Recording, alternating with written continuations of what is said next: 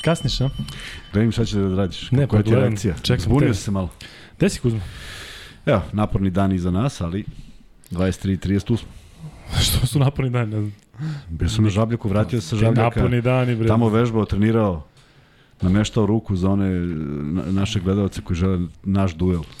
Da, e, spremamo se za taj duel. E, Dobrodošli u 48. izdanje podcasta sa Kuzmom i sa Lukom. E, Kuzma, 48, ko je nosio? Da li je nosio Nema Iko? šanse, nisam gledao, ali Sad ti ćeš naći. nađeš. Naći ćemo ko je nosio, a ti mi reci kako je bilo na žabljaku, ajde. Snimao si tamo, Odlično, odlično. snimao si bilo. mini podcaste. Imao sam mini podcaste, da, koji su išli na našem Instagram profilu. Da, Kuzma je tamo postavio neke challenge, tako da ja sam odgovorio na taj challenge. Bilo bi lepo i vi da nam pošaljete, dakle, za neki 30 sekundi koliko možete recimo date, to je potpuno onako nastalo uh, random, što Ne, bi se nije 30 reklo. sekundi, znaš, šta, znaš koja je bila Ma, moja ideja? da se- Nisam da. pa, pa, samo koliko je vezano. Pro, pro- promašio sam prvu, pa prvu bačem. da, da, pa ne, ali sve je to stalo nekih malo više od 30 Jeste, sekundi. jeste, još zašto mi Kolja nije vraćao lopte na vreme. I je, moj, ja sam ti poslao dva snimka, moja prvi i drugi, i tamo da sam dao 30 za redom, to si To skembo, a ovde si dao pet, pa je, tamo tako više je, odgovara. Pa normalno, Drugo imao si dvoje E, ljudi koji vraćaju loptu. istina. Tako je, dvoje I tvoj teren ljudi. je bio teren, moj je bio kuća. Tvoj teren je bio Znaš ti koliko je tamo redak teren. vazduh? Ti kad šutneš ono, znaš koliko leti? Ne, ali tvoj teren je bio fenomenalan, kažem ti, kad ti tapkaš, tapkaš Na nivou ovo- iznad. ono, kažem ti, tamo bi mogli da odiramo basket. E, ali biće prilike, biće tokom ovog leta prilike da i ja i Kuzma i Vanja da odemo na koš, da snimimo jedan taj podcast e, uživo. Kuzma, već stižu pitanja, mi imamo fenomenalnog gosta, nisam našao ko je nosio broj 48, ti, Znači, nema niko. ti taman možeš da, da predstaviš naše gosta. Ja ću predstavim zadovoljstvo. našeg trenera, Darka Rajakovića. Darko, dobroveče. Dobro večer, bolje vas naša. E, dobro, da, dobro došao, naravno, to smo ti već rekli pred, ovaj, pred uh, ulazak u, u emisiju. Ja sam ubeđen da ovaj, ljude najviše zanima nešto što je vezano za tebe, to je taj tvoj period u Čačku 96. Šalu na stranu, ovaj, zaista si izuzetno dugo u NBA i želimo da pričamo o svemu onome što ne znamo, što mi negde nagađamo, što naši gledaoci žele da znaju i, i hvala ti što se odazvao pozivu u ove sitne sate. Uh, vidit ćemo ovaj, kako će da reaguje publika jer zbog njih smo tu, pa ovaj, vidit ćemo koliko će ga zadržati. E, Publika će reagovati super zato što ste e, mnogi ima od pitanja, vas tako? već ste ba ima pitanja, ali su mnogi pitali za Darka Rajakovića kada smo pominjali ljude, posebno kada je bila ona jako dobra serija Memfisa i kad god smo pričali o NBA ligi, e, pitali ste za Darka i evo sada ćete imati priliku i da ga pitate ovako šta god želite. Mi ćemo naravno pričati najviše o NBA-u, ali ćemo pričati malo i o domaćoj košaci. Nije do duše bilo neke aktualnosti Pa ima sad, da, dana. ima, ima tu novih... Neka imena da. da. se pominju, ali ništa, ništa nije bilo konkretno od našeg prethodnog podcasta. Mislim da nije pao ni jedan potpis e, konkretno Zvezdi i Partizana. nije od, dakle, od, priča od, se. Od četvrtka, da. Tako je. Ali, e, Kuzma, pre nego što počnemo imamo dve stvari. Prva je, dakle, da broj 48 je nosio Walt Gilmore i Nazir Muhamed. To su jedine dva igrača koji su nosila Walt Gilmore 71. godine u Portland Trail Blazers. Života imao. Dobro, a ovaj drugi? To te je jako bitne 71. godine. A Nazir Muhamed je nosio uh, 13. on bio u 14. i 15. Pa u Čikagu je ovde nosio i bio je posle još u nekoliko kluba, mislim da je menjao dosta, onaj bre, što onako čeka i gurnu E, znaš Lebrona zašto, Jamesa. zašto, je, zašto je njegov brat Al-Hadži Mohamed čovjek, ja mislim da je njegov, da, njegov brat je Al-Hadži Mohamed koji je napravio jednu dobru internacionalnu karijeru u, na Bliskom istoku. Da si siguran da ima mnogo Muhameda? Ne, Siguran? ne, ovo jeste 100%. Azir. 100%. Dobro, i treba da ispravimo još jednu, još jednu nepravdu, Koju? e, koju smo prošli put propustili kada je bio Miće Berić. Kuzma, o čemu se radi? U, sad si me zatek, čemu se radi? Pa šta smo propustili kada je bio Miće? Šta smo prostili? Pa koji je datum bio to? Ne sjećaš se, ništa ti nije jasno. Ne. Dobro. E, Ajde sad. dakle, Pa ne znaš. Ne, ne o mogu čemu se- setim, sad čim budeš odgovori, Pa izgovorio dobro, nešto. koji je bio, bio četvrtak? 14. 15. Četvrtak 14. je da. Pa ne mogu ni ja da se setim koji je 14. A šta smo propustili? I posle smo Pa- pričali da smo propustili, ali šta? Ali ne sjećaš se šta su sve ljudi pri, pričali, pisali, šta su... Dobro. Ništa ti nije. Ajde, pomozi malo. Pa propustili smo da mm, čestitamo rođendan jednom od članova podcasta. Vidi ludaki. Da, Kuzmi je bio rođendan i... A gde je bio rođendan? Kuzmi je bio rođendan i 31. treba... greška je. 31. je Kuzmi rođendan, a mi ćemo da učestvamo ranije. Tako da... Pa, e, momci, hvala. E, Kuzma broj 1, zato što si ti stvarno broj 1. E, Ne bih se sad tu ovaj, raspravljao s tobom. Da, drugo, ovaj, ne, bi, A, ne bi da stavimo 89 koliko Kuzma ima stvarno godina. Koliko ima tako realno. Da, e, ima jedna jako jednostavna stvar, dakle, podcast je sa Kuzmom i sa Lukom i e, kada nam je padalo ovo na pamet, e, krenuli smo onako u jedan eksperiment, vidite dok smo došli sada posle nekih koliko, 6-7 meseci, ali da nema Kuzme, ne bilo ničeg od ovog. Tako Ne bilo da, ni Luki. Tako je, tako da sreće rođendan. Dobro, za, I- za ovaj 15 dana. Dobro, dobro, evo unapred, 14, koji dan zato? 13. unapred ovaj, e, da, Hvala ti da puno. čestitamo. Ali I- napravit ćemo i ovde, ako padne baš. Ne, nedelja je 31. da znaš. Da, tako da eto, vi možete da sada čestite Kuzmi rođendan da je unapred e, na Instagramu i na svemu, e, na svim ovim našim mrežama. Kuzma, ajde još jednom da pomenemo. Dakle, imamo Luka i Kuzma Instagram. Kuzma je tamo, dakle, Amin, Ja sam, admin, da. šta Ja god. dakle, odgovaram njemu kada čestite rođendan, odmah on odgovara. Dakle, Odmah nema šta. I bez rođendana. Tako je. E, Imamo mail Luka i Kuzma. Da, tu nam isto često pišete, možete pišete i dalje. Imamo, dakle, šta još imamo? Imamo Pa Patreon, imamo Paypal, Paypal Imamo, nemamo. nemamo još, ali ima ima na- načina i zaista Šalimo mnogo ljudi da. piše i meni je žao kad nekom zakasnim da odgovorim, ali mislim da uspevam to da postignem i vidim da je onako jedna jako dobra komunikacija, onu kako imamo od početka Jeste. ovoga što radim. E, vreme je da se sada posvetimo našem gostu, dakle, ne mogu ti objasnim Darko koliko stiže, koliko stiže pitanja već za tebe i ajde da samo malo sada Žarno Samo ti malo rečeno sačekaj. iskuliramo sa pitanjima, pričat ćemo sa Darkom, zato što ja posle moram da se vraćam gore, pa onda ovaj, e, pitanja ćete posle da ponovite za Darka, e, ali evo jedno pitanje, e, Nikola, čestita Luka, sreća rođendan unapred. Hvala. I tebi? da, da. Pa za tebe treba čeka baš, E, baš dosta. E, pitanje za Darka, ajde prvo revijalno ovako, da li si naučio Končara srpski? I Kuzme je pričao sa njegovim očukom, da li Končar ima ikakve veze sa Srbijom? A, ima, a, njegov deda a, je srpskog porekla i njegov deda nažalost je ostavio njegovu baku kada je imao njegov otac sa- svega tri godine. Tako da ovaj I ne to znaju odakle faktički on Pa stiže. znaju da je otprilike, da je, znaju da je srpskog porekla, ali da nisu sigurni da li je iz Like, da li je iz Upravo to, Hrvatske, to. da li je iz Pogubio si, Bosne, tako je. ovaj tako dalje, ali ovaj momak je fantastičan i ovaj dosta voli taj, to neke ne, ne, njegove korene sa ovih prostora i ovaj da naučio sam ga nekoliko reči. Uglavnom onih što, što ih učimo uvek prvo. Tako je, da ono što svi znaju, da, i ako su Srbi ili ako nisu Srbi, ali lepa priča. Kuzma zna da je dok je bio u Savezu, da si ti pričao sa njegovim očuhom i tome si govorio ovde i da niste uspeli da Nismo pronađete uspeli, zato što sam ja, se ja što bojao čovjek- da nije lika, jer kako sad ti ja dokažeš da je neko Srbin iz like, na osnovu Da. čega to postoji uopšte kao, kao papir. Ako je bio, znači da je bio iz neke Jugoslavije. Da, ovaj, nje, mene su zvali iz Saveza Bosne, zvali su me iz Hrvatskog Saveza, da. svi živi su pokušavali ovaj, da nađu kontakt sa njim, a mi smo bili prvi, ovaj, ali mislim da za sada ne postoji interesovanje neko preterano kod njega.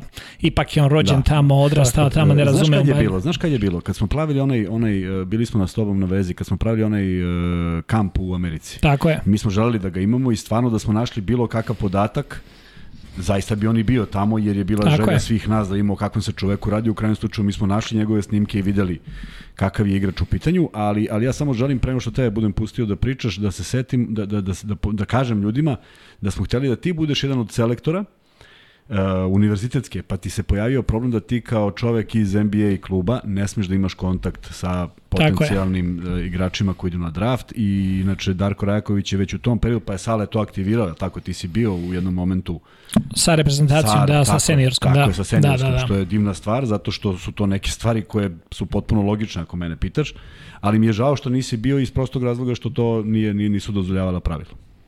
A sad ti E, Luka kreni. Da, idemo sada ipak od onoga što je, ajde da kažem, e, aktuelnije i trenutno se dešava ovde, pa ćemo onda da kasnije da uplovimo u NBA ligu i nećemo stati do jutra. E, Darko, koliko stiže da pratiš sve ovo što se dešava, tvoj utisak, odnosno tvoje viđenje toga što smo svi koji volimo košarku dugo čekali, a to je da Partizan i Zvezda igraju u, u Euroligi. To je fantastična stvar. e, To je fantastična stvar za našu košarku i mislim za, za Evropu, za Euroligu i za sve ljude koji vole, vole sport. Znači, takav jedan derbi da se gleda ovaj, u Euroligi, to je, to je stvarno neviđeno. Ovaj, jako sam uzbuđen zbog oba tima koji će imati priliku da se takmiče na tom nivou i siguran sam da će to i navijači ovde ispratiti sa, sa jako velikom zainteresovanošću. Kada beše taj prva utakmica, to je zakazano negde u decembar, decembru, decembru mesecu, da, tako je. Da, e, da Tako svi je. čekamo to, ali pratit ćemo naravno i Partizan i Zvezda, sad postoji, ajde da kažem, taj neki zdravi rivalitet ko će bolje da prođe u NBA ligi, ne samo u tim međusobnim duelima, i Kuzma smo to priželjkivali prošle godine, kao istinski ljubitelji košarke, zaista da dva tima imamo u Euroligi. Malo će Eurokup, ono čemu ja često pričam, sada nemamo predstavnika u Eurokupu, pa će Eurokup verovatno biti malo um, zapostavljeniji, neće biti toliko popularno u Srbiji, ali daj Bože da, da uvek imamo dva tima u Euroligi, to će to će uvek e, biti bolja varijanta. E, Darko, e, ti, mnogi ljudi to zaboravljaju i otprilike tebe pamte, vezuju te za Oklahoma i zaboravljaju šta je bilo pre toga, naravno Phoenix pa sada Memphis, ali ti si dugo radio u Zvezdi i bio si u Zvezdi kao, kao pomoćni trener i mnogo je mladih trenera Uh, bio si kao prvi trener juniora, ali e, mnogo je mladih trenera koji su uh, tako izašli iz Zvezde, mi stalno pominjamo Dušana Olimpijevića koji je napravio taj uh, neverovatan uh, uspeh sa Bursom, evo sada se Vlada Jovanović vratio vratio na klupu Zvezde. Um, taj sistem generalno izgleda da je jako dobar. I kakva tebe, recimo, sećanje vezuju za Zvezdu? Tamo si bio prilično dugo. Ja sam bio u samozvezdi, ali ovaj, nema da zaboraviš da, gde sam počeo, nemoj da, da mi oduzimaš da, da, moje, ne, moje u prve Čačku, korake, naravno. Čačak, ovaj, u, radio sam u borcu u mlađim selekcijama ovaj, tri godine i mislim da je to nekako bilo presudno u mojoj karijeri. Tu sam se stvarno zaljubio u profesiju a, trenera. Ovaj, kada sam došao na studije u Beograd, radio sam u Crnoj zvezdi i studirao sam u isto vreme. I ovaj, stvarno me je vežu jako, jako lepa sećanja za taj period. Ovaj, Marin Silaček je bio ovaj, direktor mlađih a, selekcija, kasnije je priključio se i Mirko Palović kao koordinator. Stvarno je bila plejada stvarno dobrih i trenera i ovaj, ljudi u klubu tu stvarno smo radili, da kažem, kao jedna porodica i imao sam veliku sreću da, da sarađujem sa Marinom Sedlačekom jer sam naučio neke stvari koje su mi tekako pomogle ovaj kada sam otišao iz zemlje. Kada jako su mi pomogle u Španiji, a i tekako su mi pomogle kada sam došao u Ameriku od nekog sistema rada, organizacije, pripreme koja, da kažem, nije bila tipična u tom trenutku. Marin je ipak bio malo Ima više... mnogo iskustva. Američki. Tako je, ja- američki sistem i stil. Jest, jeste, on po, poznaje taj sistem jako, jako dugo i onako to je nekako nesvesno sam usvojio te neke stvari koje su mi mnogo pomogle kasnije ovaj, u karijeri, ali za Crvenu zvezdu i vezu ime prelepa sećanja, dosta igrača sa kojima sam radio, kolege, stvarno ovaj, mnogi trenizi na Kališu, na, na, na, pod otvorenim nebom, stvarno je bilo ovaj, jedan fantastičan period u mojoj karijeri. Um, sa Marinom Sedlačekom ja mislim da svi imamo, uh, non stop se nekako prepliću, prepliću. Dakle, ja, mi, ja sećam kada smo mi trenili kod njega, dakle on čeka, sedi, prekšne noge i dok kazaljka ne dođe do, do ovo, sad mi sedimo spremni 2, 3, 5 minuta, ne, onda počinje trening. Pritom ima nevjerovatan smisao za humor kada, kada se opušta i zaista što kaže, e, što kaže Darko ima taj, da kažem, specifičan način rada, vidi se da je, da je, da je pokupio Jeste, ali zahvaljujući tom ogromnom iskustvu, on je radio sa, sa Nike-om dugi Tako niz godina, on je znao neke stvari pre nego što se ovde čulo za njih, on ih je sprovodio, ali evo ga, tu je on, mislim, generalno tu je u košarci uvek radi Radi. konsultacije kada su, slučajne konsultacije kada su repreze, kada je reprezentacija u pitanju, tako da on još uvek ovaj, deli neke svoje savete i neka svoja, neka svoja viđenja košarke. Ali mi kada smo se upoznali, kada smo ja rekao, ja sam bio kratko u Alviku u, Švedskoj, pa kaže, ne, ti znaš da sam ja bio trener Alvika. Znači, gde god ti kažeš nešto, kažem tu se tamo. pojavi, pojavi se Marin Sedlaček, ti ćeš sutra sa njim da, da, da, Da, sutra smo da. u studiju, da. Tako je, sutra kreće uh, zagrevanje za Euroligu. Da. E, Darko, ajde da se vratimo još malo ipak dalje, da se vratimo na taj borac. Kako ideš borac danas? I ovo sve što radi e, e, Malina, popularni Marko Da, Marinović, tamo sa, sa, sa velikom energijom, da li to nekako može ipak da podsjeti na, na neke stare dane, zato što ipak nema više tih košarkaških centara, borac je, odnosno Čačak je jedan od najvećih centara, ja i Kuzma često pričamo, dakle, nema više nekih starih e, dobrih gradova koji su imali dobre timove poput Kraljeva, e, i Novog Sada i mislim ima timova. Vršac je imao, da, Kragujevac, nema- nema tu- Vršac, tu snagu, nema tu težinu. koliko god sad kre, ali u borcu se ipak nešto dešava. Koliko stižeš da pratiš i koliko ti se sviđa ovo što se što što vidimo danas. Um, naravno da pratim i u stalno sam kontaktu i sa e, Malinom, sa Marinovićem i sa ljudima u stručnom štabu, ovaj, sa ljudima u klubu i jako mi je drago. Mislim da taj klub zaslužuje da bude u Jadranskoj ligi um, i mislim da već sada, evo ove sezone su imali i pionire i kadete i juniore koji su bili vice šampioni države. To nije mala stvar. Jedan klub koji dolazi, da kažem, iz manje sredine da, da tako nešto napravi, to govori mnogo o kvalitetu rada i o ozbiljnoj selekciji koja se radi tu. Ono što njima potrebno, potreban je kontinuitet. Znači, nije dovoljna jedna ili dve godine u Jadranskoj ligi, oni moraju da se establiraju kao jedan stabilan klub i da kažem lider tog celog regiona tek u tom slučaju onda može da se pojavi neki novi Zeka Milosavljević koji će zužice da bude u Čačku ili neko novo dete iz Čačka ovaj, koji će moći da igra, da napravi veliku karijeru i da napravi karijeru na reprezentativnom nivou. Evo, Bali Avramović koji je sada tu, znači uvek ima nekih igrača, uvek ima neke, neke nove dece koje dolaze iz Čačka, tako da jako mi je drago zbog uspeha koje prave i nadam se da će naredne sezone biti spremen za još jedan korak, ovaj, ne samo za borbu za ostanak u ligi, već potencijalno za ulazak u play-off. Tako je, da urade nešto, nešto što su uradili tradicionalno dobro dugi niz godina. Ali meni je pisao jedan momak, ja zaboravljam imena strašno, mislim da se preziva Zeković, možda, ćeš, možda ti znaš. On je kapitan Žela. I kažu da su imali apsolutno uh, ekipu sastavljenu od dece iz Čačka, što je jako velika redkost. Dakle, ne možeš to sada, nisi mogao ni ranije baš da imaš sve, mada je malo bilo drugačije, ali sad imati tako nešto, to je jedan veliki potencijal i uh, kaž, Čačak uh, uh, zaista jeste ono što je nekada bio polako počinje da vraća apsolutno ovim uspesima mlađih selekcija. A to samo mora da se sada da potraje. Da bi potrajalo, mora postoji ta prođa. Dakle, da Čačak je isto igrao KLS dugi niz godina koji nije vodio nikuda. Prvi put kad se ukazala prilika, Čačak je napravio, iskoristio tu priliku, ušao u ABA 2, pa se onda posle probio i evo, sad već 6-7 godina se kotiraju jako dobro. Tako da, uh, uh, ja zaista očekujem dobre vesti iz Čačka. Znaš ali kako ovaj, ljudi... Ti bolje čak da. i znaš kako to funkcioniše, pa... Ljudi u klubu se stvarno trude da obezbede i finansijska sredstva i da tu, da kažem, lokalne momke koji možda i trenutno igraju negde u inostranstvu da vrate u klub i da tu bude više, više lokalnih igrača, ali ne ide to tako ne lako. Ne ide ipak, lako, naravno. I, ovaj, ono, ali ono što treba, ovo što ti kažeš, znači već ta sama činjenica da su u Jadranskoj ligi dosta pomaže u tome, jer će doći neki igrači koji žele da se zadrže tu godinu, dve, tri dana pa da naprave sledeći stepenik u svojoj karijeri. Ovaj, ali isto tako potrebno da, da neko tih mladih momaka koji rastu u tim mlađim selekcijama da napravi ozbiljnu karijeru kroz prvi tim borca. Ono što je Marko Marinović kao igrač postigao, postigao zato što je mogao sa 17 godina da uđe u prvi tim i da, tako da igra i, i da igra ozbiljno košar. Da igra, tako, tako je. je. Ovaj, a čačanska publika je takva da vrlo specifična publika, voli ovaj da vidi da kažeš svoju decu tu da igraju, ali voli svoj borac i voli da da da, da se uvek imaju veliku podršku za za klub. Samo je potreban kontinuitet. E, Darko, koliko je realno da recimo borac može da igra Evropu? Eto, ja stalno pominjem te Evrokup, potvara se ta neka priča za Fibinu ligu šampiona koje traže. Meni se čini da je publika dole uh, uvek onako, ajde da kažem, da je atmosfera uvek na najvećem nivou. Da li bi borac mogao da igra Evropu? A, mislim da što se tiče kvaliteta igrača i sposobnosti vođenja ekipe, mislim da da apsolutno ono sad uvek što se postavlja pitanje koliko sredstava treba da ode na to, kako, kakva su putovanja, ipak a, kada se gradi taj tim, pravi se tim da bi opstao i da bi mogao da napravi korak dalje u, a, a, u da kažeš, u Jadranskoj ligi.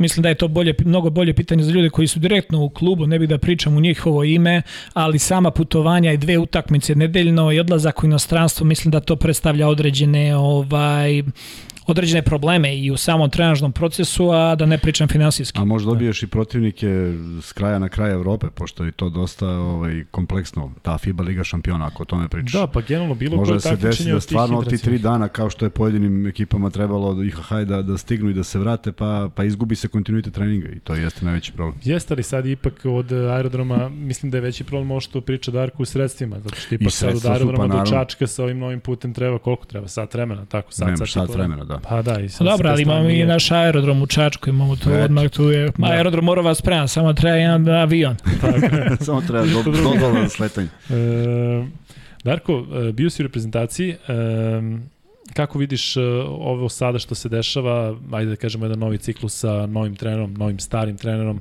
Svetislavom Pešićem, koliko e, stižeš da ispratiš sve to i koliko je generalno dobro za srpsku košaku što ćemo imati i NBA i MVP-a, imaćemo i evropskog MVP-a, odnosno MVP-a Final, Final Fora Evrolige, nadamo se i, i MVP-a Evrokupa, nekako se stvara onako uh, tim za koji svi očekuju da osvoji zlato. A, ovo su pitanja za, za, za Svetislava Pešića koji je najbolj upućen u sve te stvari, ali ja kao čovek koji voli svoju zemlju, volim, volim svoju reprezentaciju, mislim da je to jako, jako težak posao kroz kro, kro šta oni sada prolaze. Znači od ovih prozora i kvalifikacija i za svetsko prvenstvo, gde jednostavno nemaš najbolji igrače, znači nisu na raspolaganju zbog različitih obaveza, igranja u ligama koje dozvoljavaju da ti momci budu tu, to je jako, jako teško. Onda dolazi jedan sasvim drugačiji ciklus pripreme za evropsko prvenstvo sa momcima koji većina njih nisu prolazili sve to, znači ne, ne znaju ni sistem, upoznaju se tek sada, sada sa novim trenerom. Ovaj, ja u šta verujem, verujem u naporan rad, a znam da će to Svetislav Pešić i njihov stručni štab da, da ovaj sigurno obezbedi a, potencijal imamo, talenat imamo, ali imena na papiru igraju. A, ne igraju, znači ono Tako što je potrebno je treba da ti momci kroz period priprema, kroz pripremne utakmice da postanu tim. Ovaj, to je ono što je najbitnija stvar. Znači ja ne sumnjam u kvalitet svih tih momaka, ali oni da treba postanu kroz samo prvenstvo, da postanu pravi tim. Ovaj, siguran sam da će ta neka da kažem, promena generacija i neko liderstvo Nikole, Nikola Jokića prvenstveno da, da pomogne celoj ekipi da, da bude na pravom putu i svi se nadamo i želimo da naša reprezentacija se bori za zlato, ali nemojte zaboraviti da, da koliko god smo mi, udaramo se u prsa i mi smo najbolji na svetu, svi igraju košarku. Svi igraju košarku i svi ulažu ogromna sredstva i svi žele to, a mi dalje više nismo zemlja sa 30 miliona stanovnika, ovaj, tako da jako je težak put da se dođe do medalje i mislim da svaka medalja na, na ovom prvenstvu bila bi, bila bi zlata. Slažem se. Da, to je ono što u stvari ljudi očekuju zlato, a zaboravljamo na Sloveniju, zaboravljamo na Francusku, zaboravljamo na te Španije, zaboravljamo na sve. Dakle, ja mislim da bi u ovom trenutku bronzana medalja bila neverovatan uspeh, baš zbog ovoga što, što sve kažemo. Sve u vrhu, sve u vrhu i iz takmičenja u takmičenje je, je odlična stvar. Znači, mi možemo da budemo tužni što se nismo okitili u tri navrata zlatom ali te tri srebrne medalje uz napor, nenormalan napor, nenormalnu organizaciju su ipak e, pokazali ko, koji kvalitet posedujemo. To što je svako bio za malo, to je druga priča. I mi ne možemo se vratiti u 90. kada smo se pojavili na bilo kom svetskom i evropskom prvenstvu i maltene se prošetali. Prosto drugačija su vremena. Zato kažem, ono što Sedlača kojeg si ti spomenuo, a i ja ga često spominjem, kontinuitet učestvovanja na svim takmičenjima je već dovoljno dobra stvar. Kad postigneš nešto tamo, To je fantastično. Da, znaš kakve su očekivanja? Ma, nas, mi, pa mi ne da možemo, mi smo realni, prvi. Pa, pa mi, mi naravno sad. A kamoli, kamoli u košaci, posebno nakon te serije. Neću da lažem, i ja kad gledam reprezentaciju, ja želim da reprezentacija osvoji zlato, svi mi pa, to želimo, to želimo da, ali, ali šta je realnost, tako, to je, to je tako. druga stvar. Ovo će biti moćan tim, moćan tim na papiru, Sigurno. moćan tim u jednoj kreativnosti igrača, ali te pripreme moraju da prođu, moraju da se uigraju Imali smo ih i u par navrata, pa, pa nije bio taj rezultat koji smo očekivali, a manje više slična imena su bila. Dakle, ne, čim nešto nedostaje, a može da nedostaje u ovom skupljanju reprezentacije, ovaj može, ovaj ne može, ovaj može od danas, ovaj može od sutra, sve su to bili lomovi koji su se osjećali u reprezentaciji. Prema tome, i, i, i Darko kad je bio i bilo je određenih problema u sastavu reprezentacije, ali prosto moraš da guraš dalje i da izabereš iz onoga što imaš. Darko, kakve te sećanja vezuju za taj tvoj period kada si bio u reprezentaciji u Saša Đorđevića, ti si bio na svetskom prvenstvu, dakle bio si, bio si deo te ekipe i radio si, uh, imao si priliku da onako radiš za, za svoju zemlju na tom najvišem nivou, je to ostalo u lepom sećanju, da li bi se eventualno u nekoj perspektivi kada se desi, razmišljaš da se ponovo nešto tako aktivira ili, ili, ili si nekako zatvorio tu?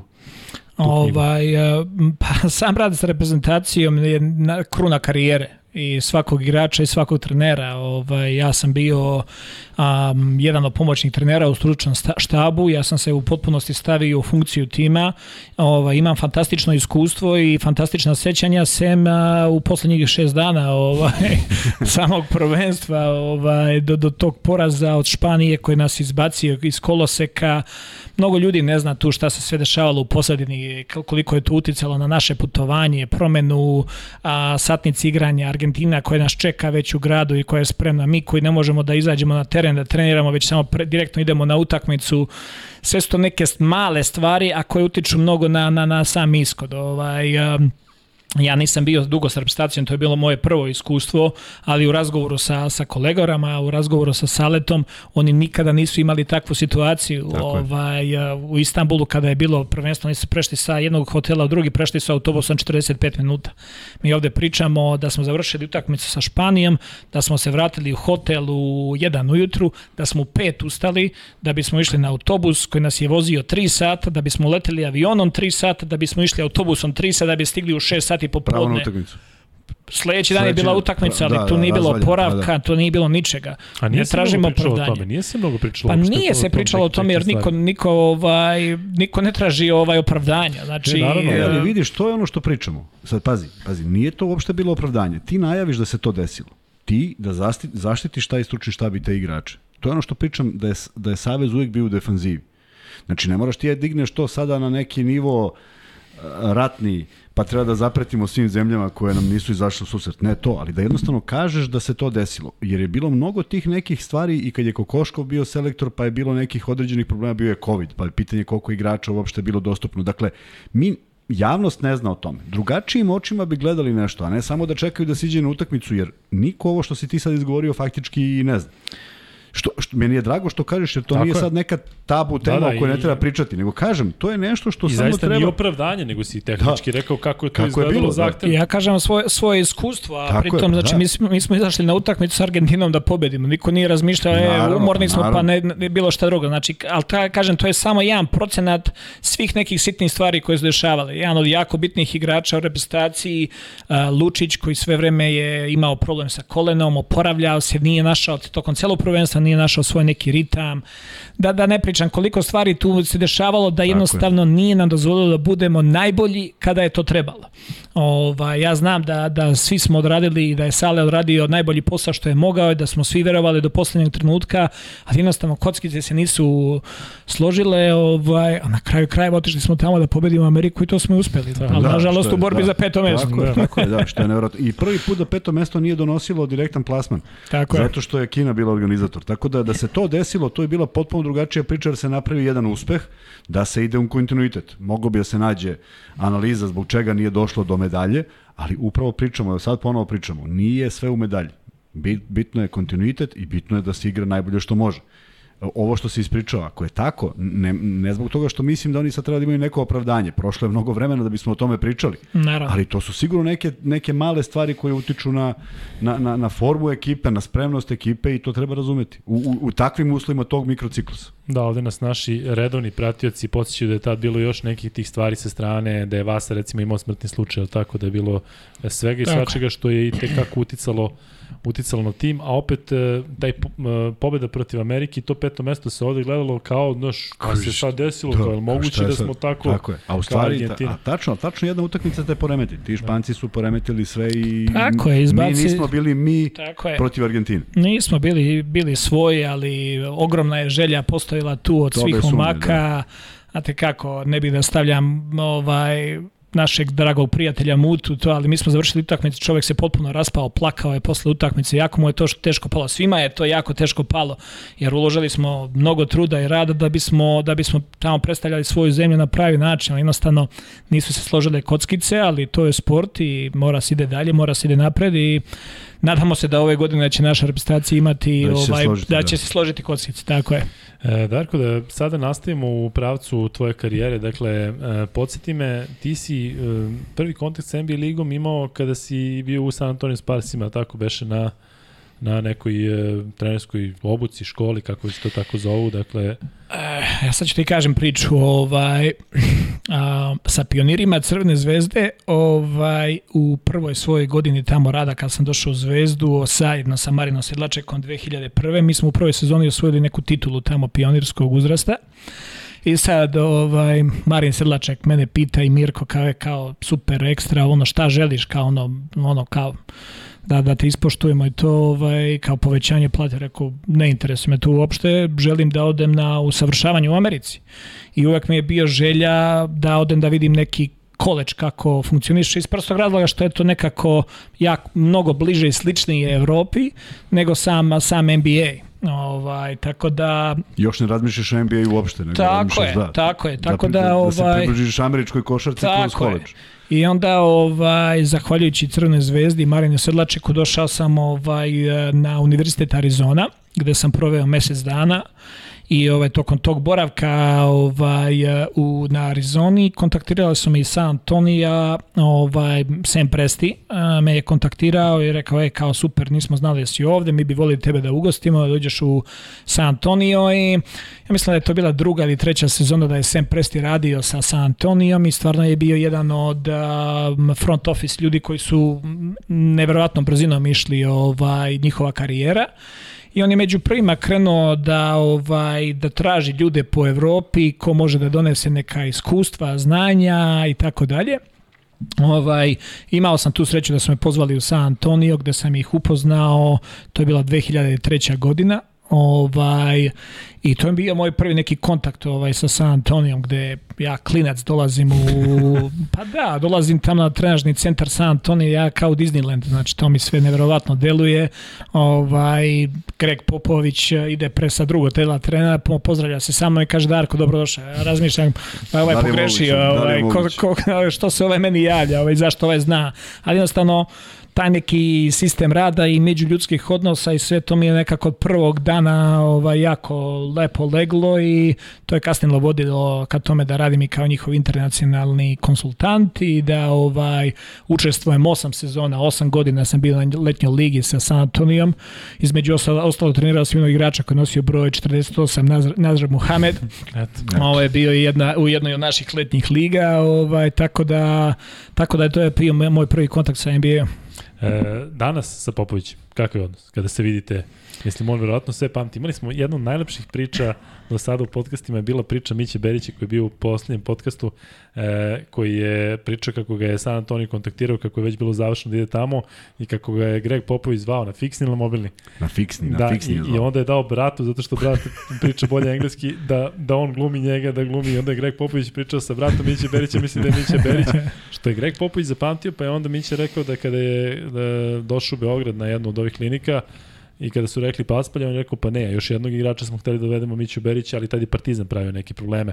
Ali dan danas, je on zapamtio tebe u smislu, jer danas imate dobar odnos kada se vidite kako to izgleda, zato što iskreno deluje da ne postoji neko u NBA ligi ko nije očešao bare malo u San Antonio kada govorimo o trenerima, o pomoćnim trenerima, da su neko svi prošli tu, tu, tu priču sa Gregom Popovićem.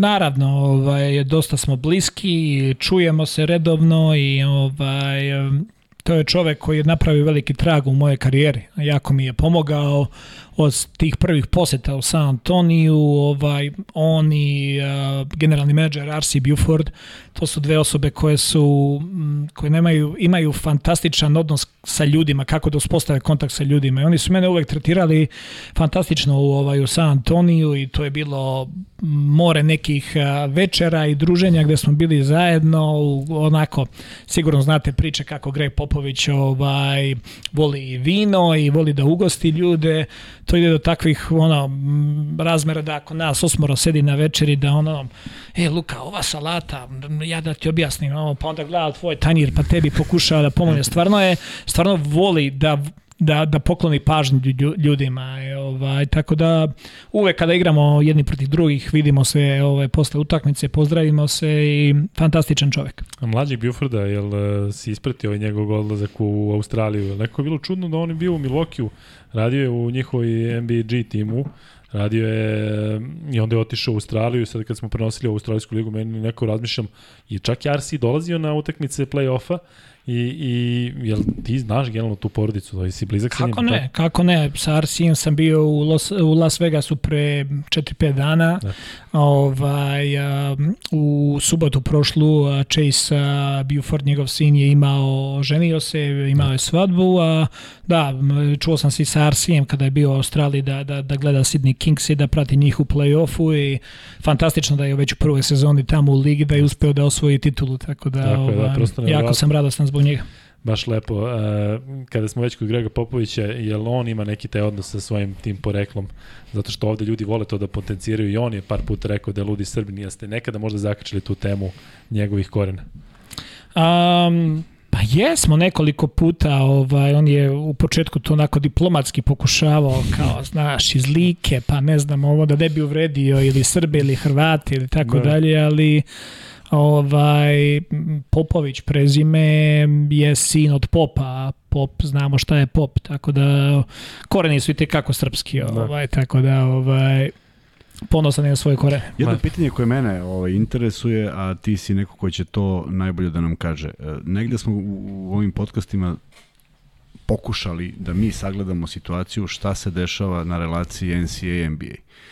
I moje neko viđenje je da je NCAA i dalje daleko, možda čak i više nego ikada, daleko od nekog tog uh, pristupa košarci i promovisanju tih nekih igrača u, u, u, u zvezde, buduće zvezde NBA lige. I da je jednostavno priliv momaka sa koleđa uh, manji u nego u prošlosti, da se više okreću u evropskim igračima iz prostog razloga što su to momci koji sa, u istom tom uzrastu igraju već profesionalnu košarku na ozbiljnom nivou. Kakav je, kakav je, kakvo je tvoje mišljenje? Jel ima neki, neka, neki, neki jaz između te dve organizacije ili, ili ja samo ovaj, mislim da je to drugačije?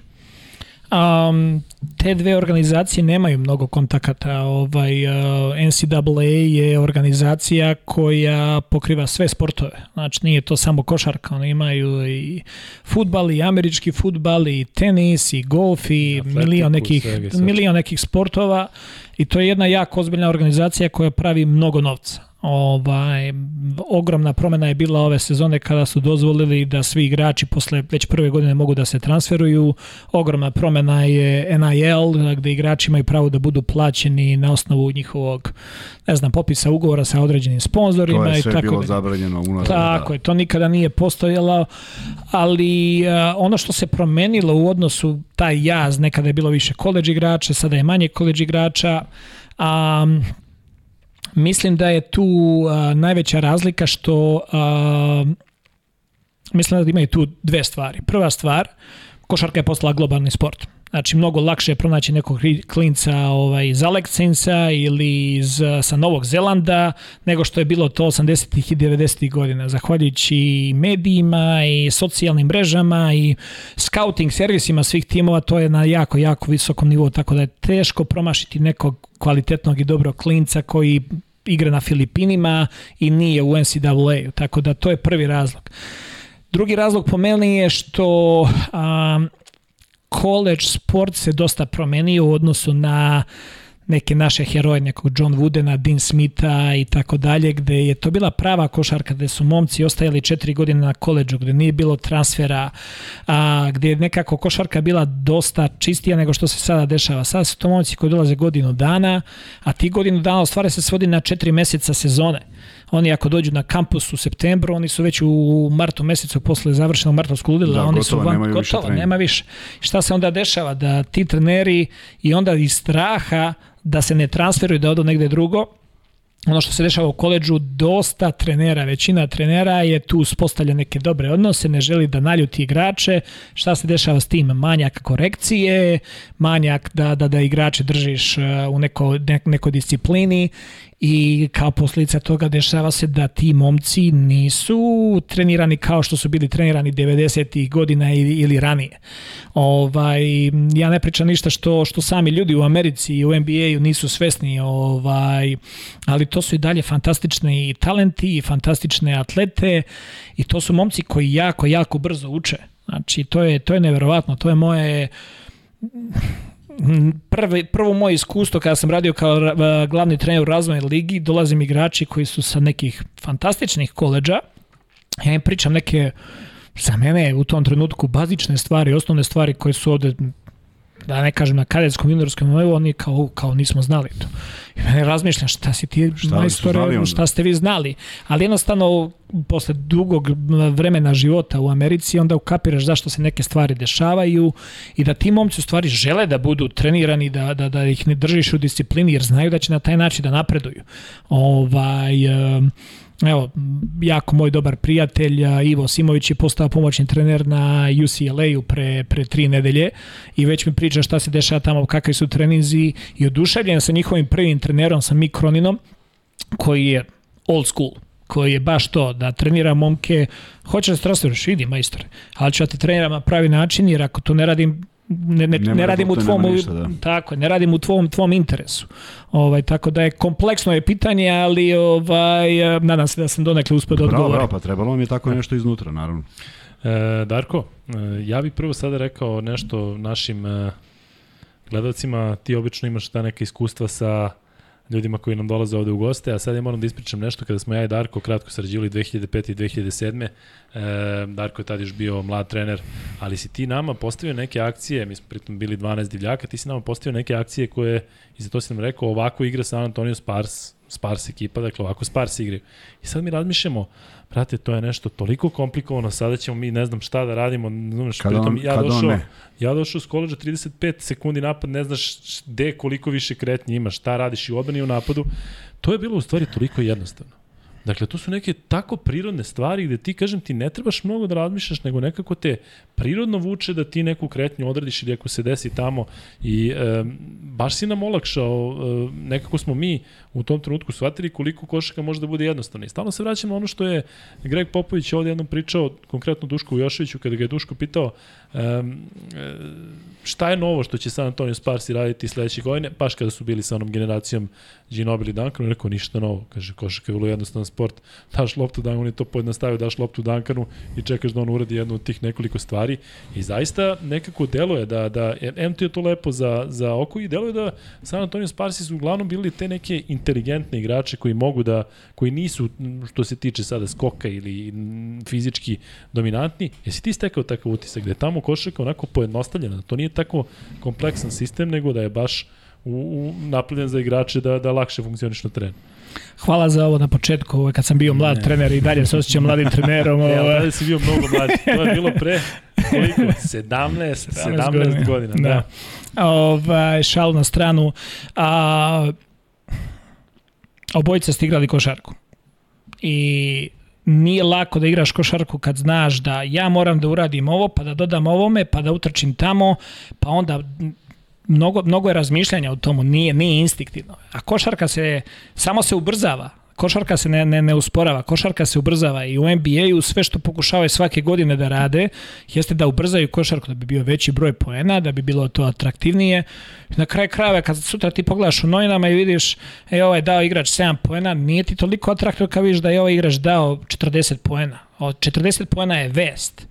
Ti tog igrača pravilima sami možeš i pravilima igre možeš da usporiš i da napraviš od tog igrača da bude 20 poena, 20 poena nikome nije interesantno da, da vidi to. Ovaj, to što smo mi ne odrasli gledajući neku drugu košarku i što mi volimo neku drugu košarku, ovaj, to je druga stvar. NBA ide u tom pravcu da želi da zadovolji kao biznis, da želi da zadovolji gledaoce a gledalci kažu previše timeouta na kraju utakmice, hoćemo da se ubrza igra. Nemo, jer oni će da napuste da, da na večeru ili će da rade nešto drugo, ovaj, žele da ubrzaju igru. Ovaj, malo sam raširio ovo, ali, ali Jasne. sama poenta je da, da, da igračima daš slobodu. Daš im neke okvire, daš im neke smernice, ali isto tako im prepustiš na, na njihovu a, inteligenciju i pre, postoje principi. Ja sam princip, ako je jedan na jedan i ako možeš da ideš ka košu, daj koš. Ali ako te dvojica čuva i otvori pas. Znači, kako će doći do, da. to, to je jednostavno, kako će doći do tih situacija, može milion situacija da, da dovede do, do, do tog scenarija. Ovaj, tako da, Greg Popović, ovaj, svi ti treneri kad malo ovaj, dostignu neki uspeh i tako dalje, oni, oni malo promene ploču, ali ovaj, ja se sećam na večeri, već su imali tri osvojene titule u San Antoniju, igrali su uvek jedan isti stil i mi smo sedeli na, na večeri, ovaj, Greg Popović kaže, mislim da će ove godine da im dozvoli malo više slobode u igri. Ovaj, mm. To se dešava tamo neke 2005. ili 6. godine. I onda Manu Ginobili koji već ima preko ono 28-29 godina na vrhuncu karijere prvi put dobija više slobode u igri. Ovaj, ali mislim da se taj proces jako ubrzao. Mislim da um, ono da dobiješ igrača pa, ga, pa da ga u potpunosti ono rastaviš u delove pa da ga podigneš ponovo da taj proces predugo traje. Da je potrebno sa ovim novim generacijama koje su instant generacije telefona, socijalnih mreža, sve to mora da bude jednostavno, sve to mora da bude brzo. Baš kao što žive. Baš kao što žive, ali neverovatno je kakav produkt na kraju dana to, to, to da, da, da oni stvarno imaju neku kreativnost i ono iz, izađu iz nekog sistema i ono, ne, nemaš potpuno kontrolu nad igrom i to je okej. Okay Da. I to je okej okay da ti kao treneraš nemaš potpunu kontrolu nad igrom.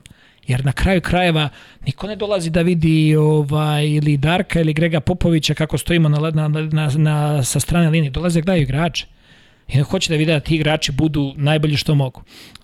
U, to je najveća razlika ovaj, u NBA-u i ovaj, nekih viđenja u Evropi košarke. Da, i meni se čini da je to u stvari sada zadatak trenera je više uh, o tome da pokuša da iskontroliše ono što se dešava na parketu. Dakle, kad vidi tako da neko ispada iz sistema, da možda ih on usmeri u nekom pravcu. I nekako delo da je možda trenerska uloga sada drugačija u NBA ligi nego ranije. Baš to ti kažeš da su igrači u prvom planu i da jednostavno oni igraju svoju igru, da je trener tu da jednostavno to sve ukomponuje da izgleda lepo. Pa, to već koriste dosta termino u engleskom futbalu, menadžer team menadžer, da. znači to je više da menadžuješ ekipu, naravno, to je i tvoja taktika i napada i odbrana i svega, ali toliko se proširilo, znači nekada je NBA imao glavnog trenera ili jednog ili dvojicu pomoćnika, sada je stručni štab od 12 ljudi video koordinatora, doktora, znači to je ogromna mašinerija ljudi. Ti svakom ja kažeš dobar dan, znači to je to je to je umorio. Da. već si se umorio. Da ne pričamo o tome da ideš na teren pa sad treba nekoga da ulaziš u ono u neke strašne detalje i tako dalje. Tako da konstantno, konstantno evaluira ovaj košarka. Da li je to prema nečijim ukusima ili nije, ali na kraju krajeva... Da, stvara ovaj, afiniteta. To, o tome smo pričali na početku. Tako samo je. stvara afiniteta, inače pričati o NBA e, to jeste pre svega i to smo shvatili unazad baš ne uvek je bio, ali unazad jedno 15 godina je baš veliki biznis i kroz to se posmatra i mislim da je sve podređeno gledalcima. E, kad si pričao o stručnom štabu, ono što je mene zanimalo, što negde meni je Kokoškov pričao sa nekim njegovim iskustvima, Kad se pojaviš u stručnom štabu, kakav je odnos igrača? Jer oni znaju da ti tamo nisi slučajno, nisi došao tamo od nekud i nečiji si drugar, pogotovo u Americi to ne postoji. Kakav je odnos? Uh, ono što mi Igor pričao da je fantastičan respekt od te šampionske ekipe uh, Detroita. Kakav ti osjećaj imaš kada, kada, kada radiš sa igračima? Pa, u mojih 10 godina u NBA-u ja nisam imao jednu, jedno loše iskustvo sa igračima. Znači to postoji poštovanje, ovaj, to se, oni znaju da je to posao, znaju da im je to profesija, znaju da im to donosi hleb, ovaj, oni dolaze da, da maksimalno ispoštuju ono što ti pričaš. E sad, koliko će ti stvarno oni verovati, to zavisi koliko si i njima posvećen i koje znanje imaš.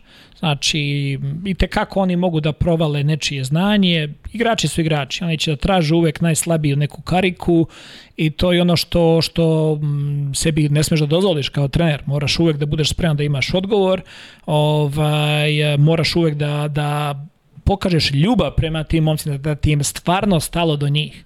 Jer ne možeš da prevariš nekoga, da, da, da, da, se, da, da se foliraš pred nekim. Ali ako ti je stvarno stalo da nekome pomogneš i imaš iskrene odnose, oni će te poštovati, vrać, će ti to mnogostruko. I moje iskustvo uvek je bilo fantastično, od pripreme utakmica, skautinga, razgovora sa igračima, individualnog rada, timskog rada, nikad ni jedan jedini problem ovaj nisam imao. E, taj period u NBG ligi, mnogi zaboravljaju da si ti bio u ekipi Oklahoma City Blue, e, kada se osvrneš sada, e, radio si tada, tada se još zvala NBDA liga, ali tako? Tako je. E, I kada, koliko ti je taj e, tranzitni period pomogao da od nekog trenera koji još uvek, ajde da kažem, učio taj američki stil, dođeš do toga da budeš u, u, u stručnom štabu takvog tima kao što je Oklahoma? A, meni je mnogo pomogla da kažemo, usputna stanica, tri godine života i rada u Španiji. Ovaj, drugačija kultura, učenje novog jezika, prilagođavanje drugačijem okruženju i sistemu, znači to je kao trener i uvek moraš da se prilagodiš. Znači, ne može dođeš tamo i kažeš, evo danas sam ja šerif i sve ide po mome. Ovaj, moraš da vidiš tu kako, kakvi su odnosi, kako funkcioniš u stvari i ta neka usputna stanica u Španiji, tri godine života i rada tamo mi je jako, jako pomoglo da dolazku u Ameriku. Ovaj, Jako si ti pre toga imao to američko iskustvo odlazaka na letnju ligu. Jesam, ali ovaj, nekako me je, valjda sam i ja sazrelio i nekako sam bio staloženiji, smireniji do samog dolaska tamo i u razgovoru sa ljudima iz kluba postojala su određena očekivanja kako treba da radi, šta treba da radi, ali isto tako kakav odnos treba da ima sa igračima.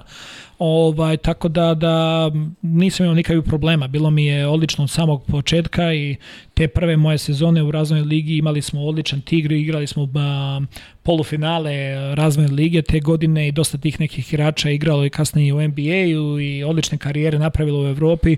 Tako da ovaj razvojna liga tada imala svega 16 timova sada svaki tim ima ovaj svog Svoj pre... tim, da. tako je.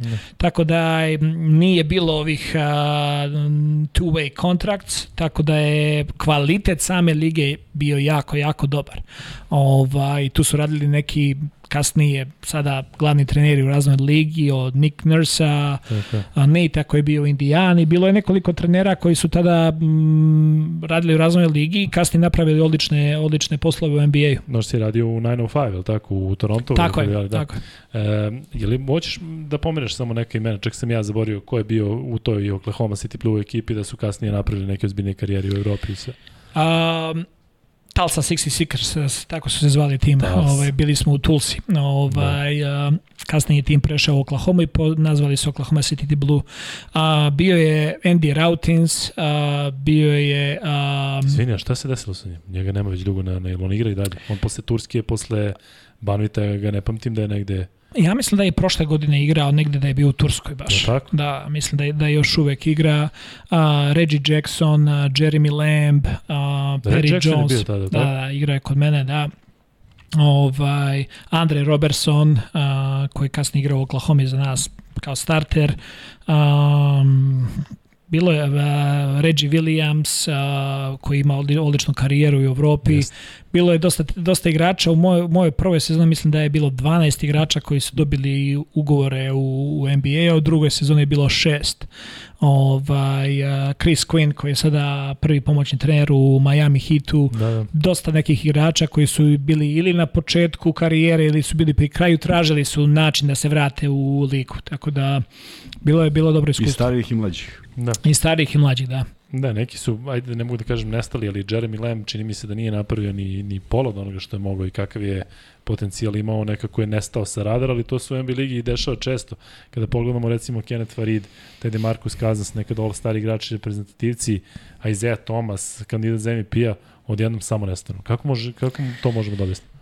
Pa vidi, ovaj, svake godine je 60 novih igrača na draftu.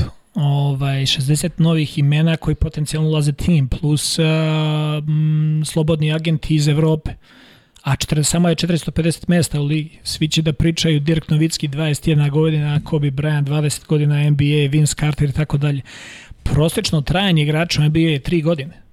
To je prosek, što znači da dosta njih dođe i Uđe i nestane. izađe, da. Tako Da. je, i tu ima fantastičnih igrača koji jednostavno uđu u sredinu, na njihovoj poziciji već imaju igrači koji igraju, koji nik ne može da igra, te godine ne igraš košarku, nemate majstore, znači nestao si. Tako da ovaj dosta stvari treba da se da se slože kockice da bi neko uspeo. Ovaj mene niko ne može da ubedi da Darko Miličić nije bio fantastičan talent došao je u situaciju gde je tim se borio za, za titulu, gde nisu videli te neke stvari, nekako Darko Miličić, zamislite Darko Miličić je ovo današnji košarci da se to pripaljuje neka trojka, pa da ne mora... Špetica koja šutira trojku. Tako je, tako je, ali to je bila tada avangarda, to ne, apsolutno niko nije video, niko nije razmišljao o tome. Znači, pričali bismo, ko zna o čemu bismo pričali, možda o novoj Hall of Fame karijeri, znači Da. da. sam Bog zna, ali jednostavno mora Baš se slože, kockice, da, da. mora se slože kockice, mora čovek bez obzira na svoj rad i sve mora da ima i, i sreće. Moraš da budeš u dobroj sredini da da možeš da igraš. Da, mu da se nađe istrpe. mesto u ekipi koje mu je adekvatno, da, da ima sreće, da ne bude povređen, znači sve ima tu nekih Sve kategorija tako koje je. prate. Tako je. Darko, ljude naravno najviše zanima to kada je tvoj periodi, e, period u Oklahoma City Thunderu. E, naravno, svi odmah pomišljaju ta trojka, Harden, Westbrook, Durant. Um, odnos, ovo što je Kuzma malo pripitao, da li odnos superstarova koji su ili superstarovi u nastajanju, da li su oni možda malo drugačiji u smislu, da li oni e, su, ajde da kažem, nabađeni, bahati ili zaista gledaju u tebe kao nekoga od koga mogu da nauče nešto novo? A, sve je individualno ovaj, i od trenera i od, a, i od strane igrača. A, mislim da poštovanje postoji uvek, a, koliko će oni da tebe vole i koliko će do kraja da veruju onome što me pričaš, što zavisi od onih faktora o kojima smo već pričali. A, najveći, najveći problem se dešava, problem, ne problem, a, najveća promena se dešava, ako se desi ta promena, jeste kada ti momci dođu do svog drugog ugovora. Ovaj, baš smo bili ove sezone, smo igrali utakmicu ovaj, u New Yorku protiv New York Knicksa i trenirali smo u trenažnom centru Brooklyna. Dali su nam njihovu halu. Mi dolazimo u halu i Kevin Durant je tada bio povređen. Ovaj, i ono, pozdravio se s njim, pričamo kako porodica, kako ovo, kako ono i ja rekao, Kedi, reci mi jednu stvar. Rekao, imamo mlad tim, dosta posjećamo na Oklahoma. On mi je sam rekao, dosta posjećate me na Oklahoma kad smo mi bili mladi, kada smo rasli. Ja rekao, šta se dešava? Kako, kako da neke stvari da budemo da ono da predvidimo i da sprečimo neke stvari da se ne raspadne, da se ne promeni tako dalje. Kaže Darko, najbitnija je stvar kako će ovi svi momci da reaguju kada budu plaćeni i kada dobiju ogroman novac. Da li će neko, neko misliti, e, došli smo i to je to, uspeo sam, ili će stvarno da se posvete onome što vole.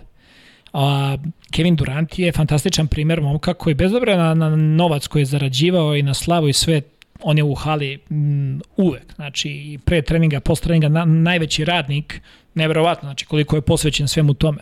I dosta je takvih momaka. A opet ima nekoliko cina njih koji je majstore ja sam... Završili su potpisom i tako to je to. Tako je, tako je. Sad ću ja da odradim taj ugovor, ali već im je glava na nekom drugom mestu. Ovaj, a najveći, kao što i sami znate, oni upravo u tom trenutku je, sad više ne mora da brinem o tome, sad stvarno hoću da se ostvarim kao košarkaš i tako dalje. Ovaj, tako da individualna je stvar, ali ne vidim tu neku pretaranu promenu u samom odnosu prema trenerima i tako dalje. Ne vidim tu neku promenu veliku. Ono što sam tebi rekao, dakle, olimpijski igre u Londonu, Kevin Durant uvek ulazi prvi. Uvek ulazi prvi, giba se onako lagano, krenuti specifičan hod, odmah loptu, pripali neku i verujem da je tako i dan danas.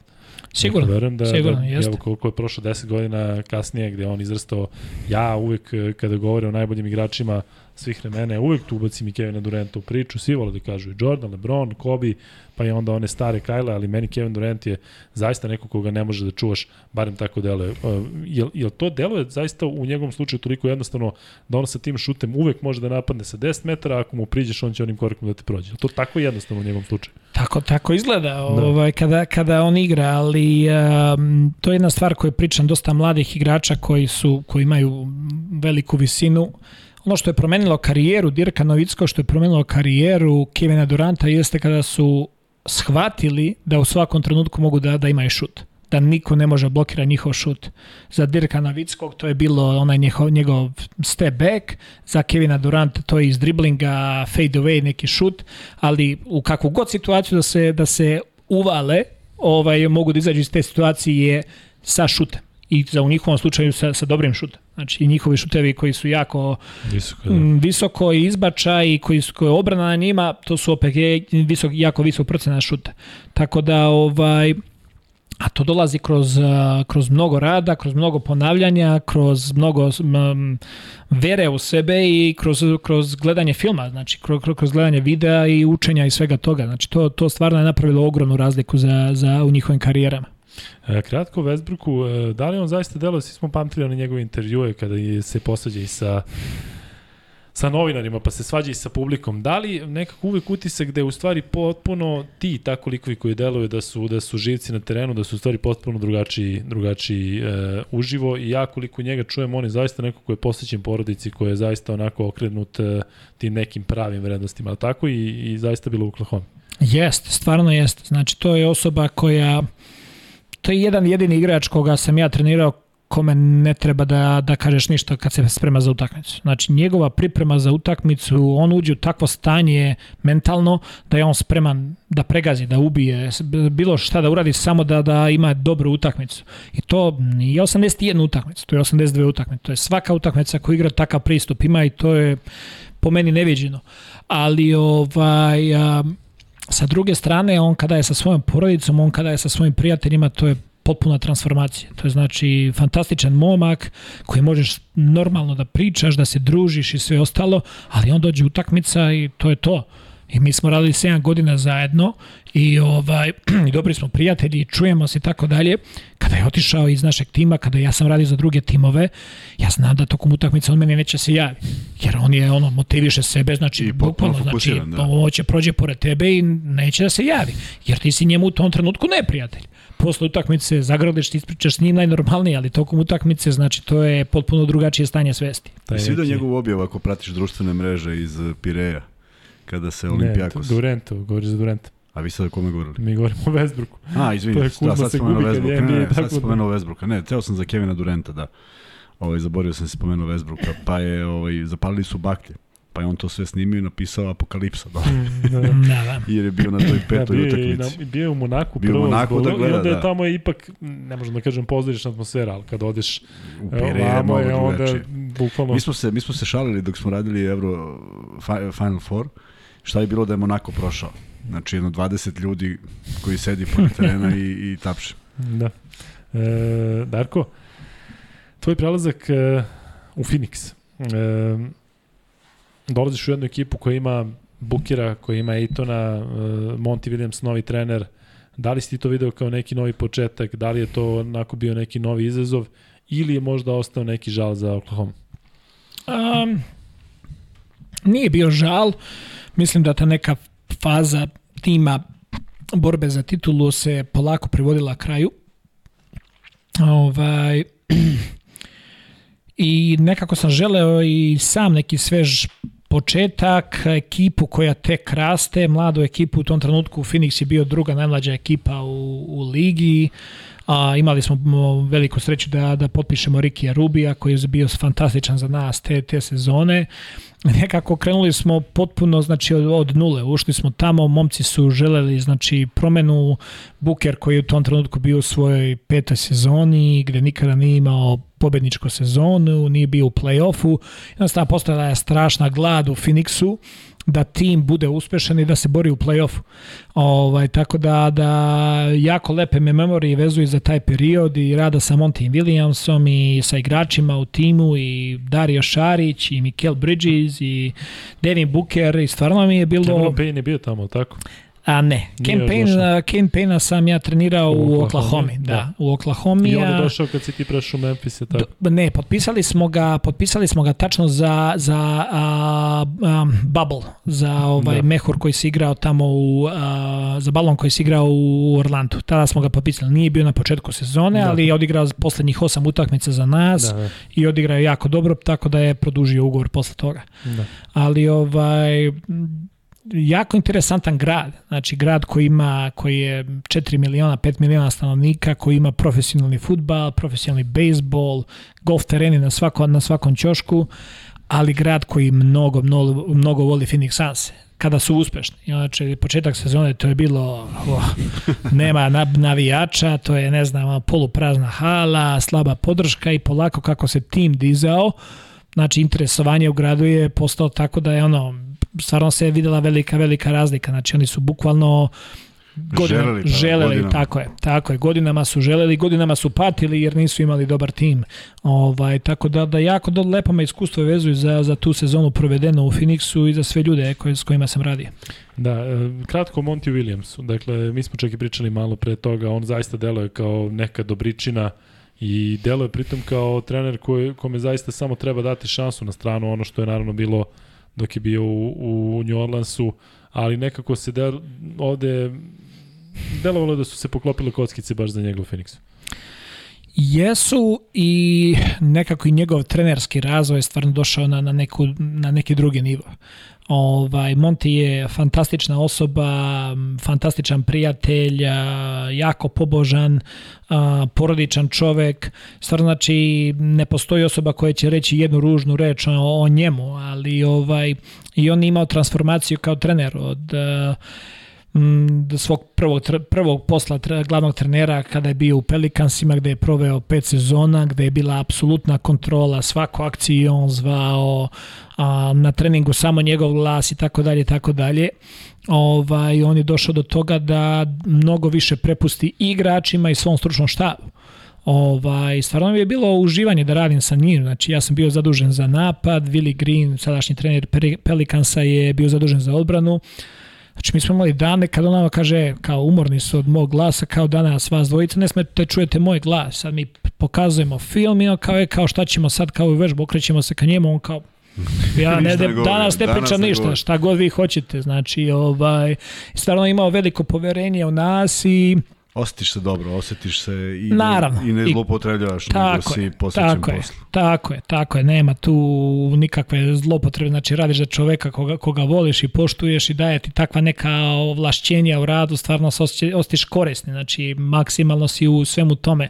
Ovaj, I eto, u toj prvoj sezoni smo imali malo slabi početak, pa bolji u sredini, onda je krenula korona i ovaj, kada smo se vratili u Orlando da odigramo taj bubble, onda smo imali osam vezanih pobjeda i već se tu naziralo šta se sprema sa, sa tim timom. Znači i samopouzdanje igrača i sistem koji je posljedno sve nekako počelo da, da dolazi na svoje, na svoje mesto. Ovaj, tako da m, bilo je bilo lepo iskustvo.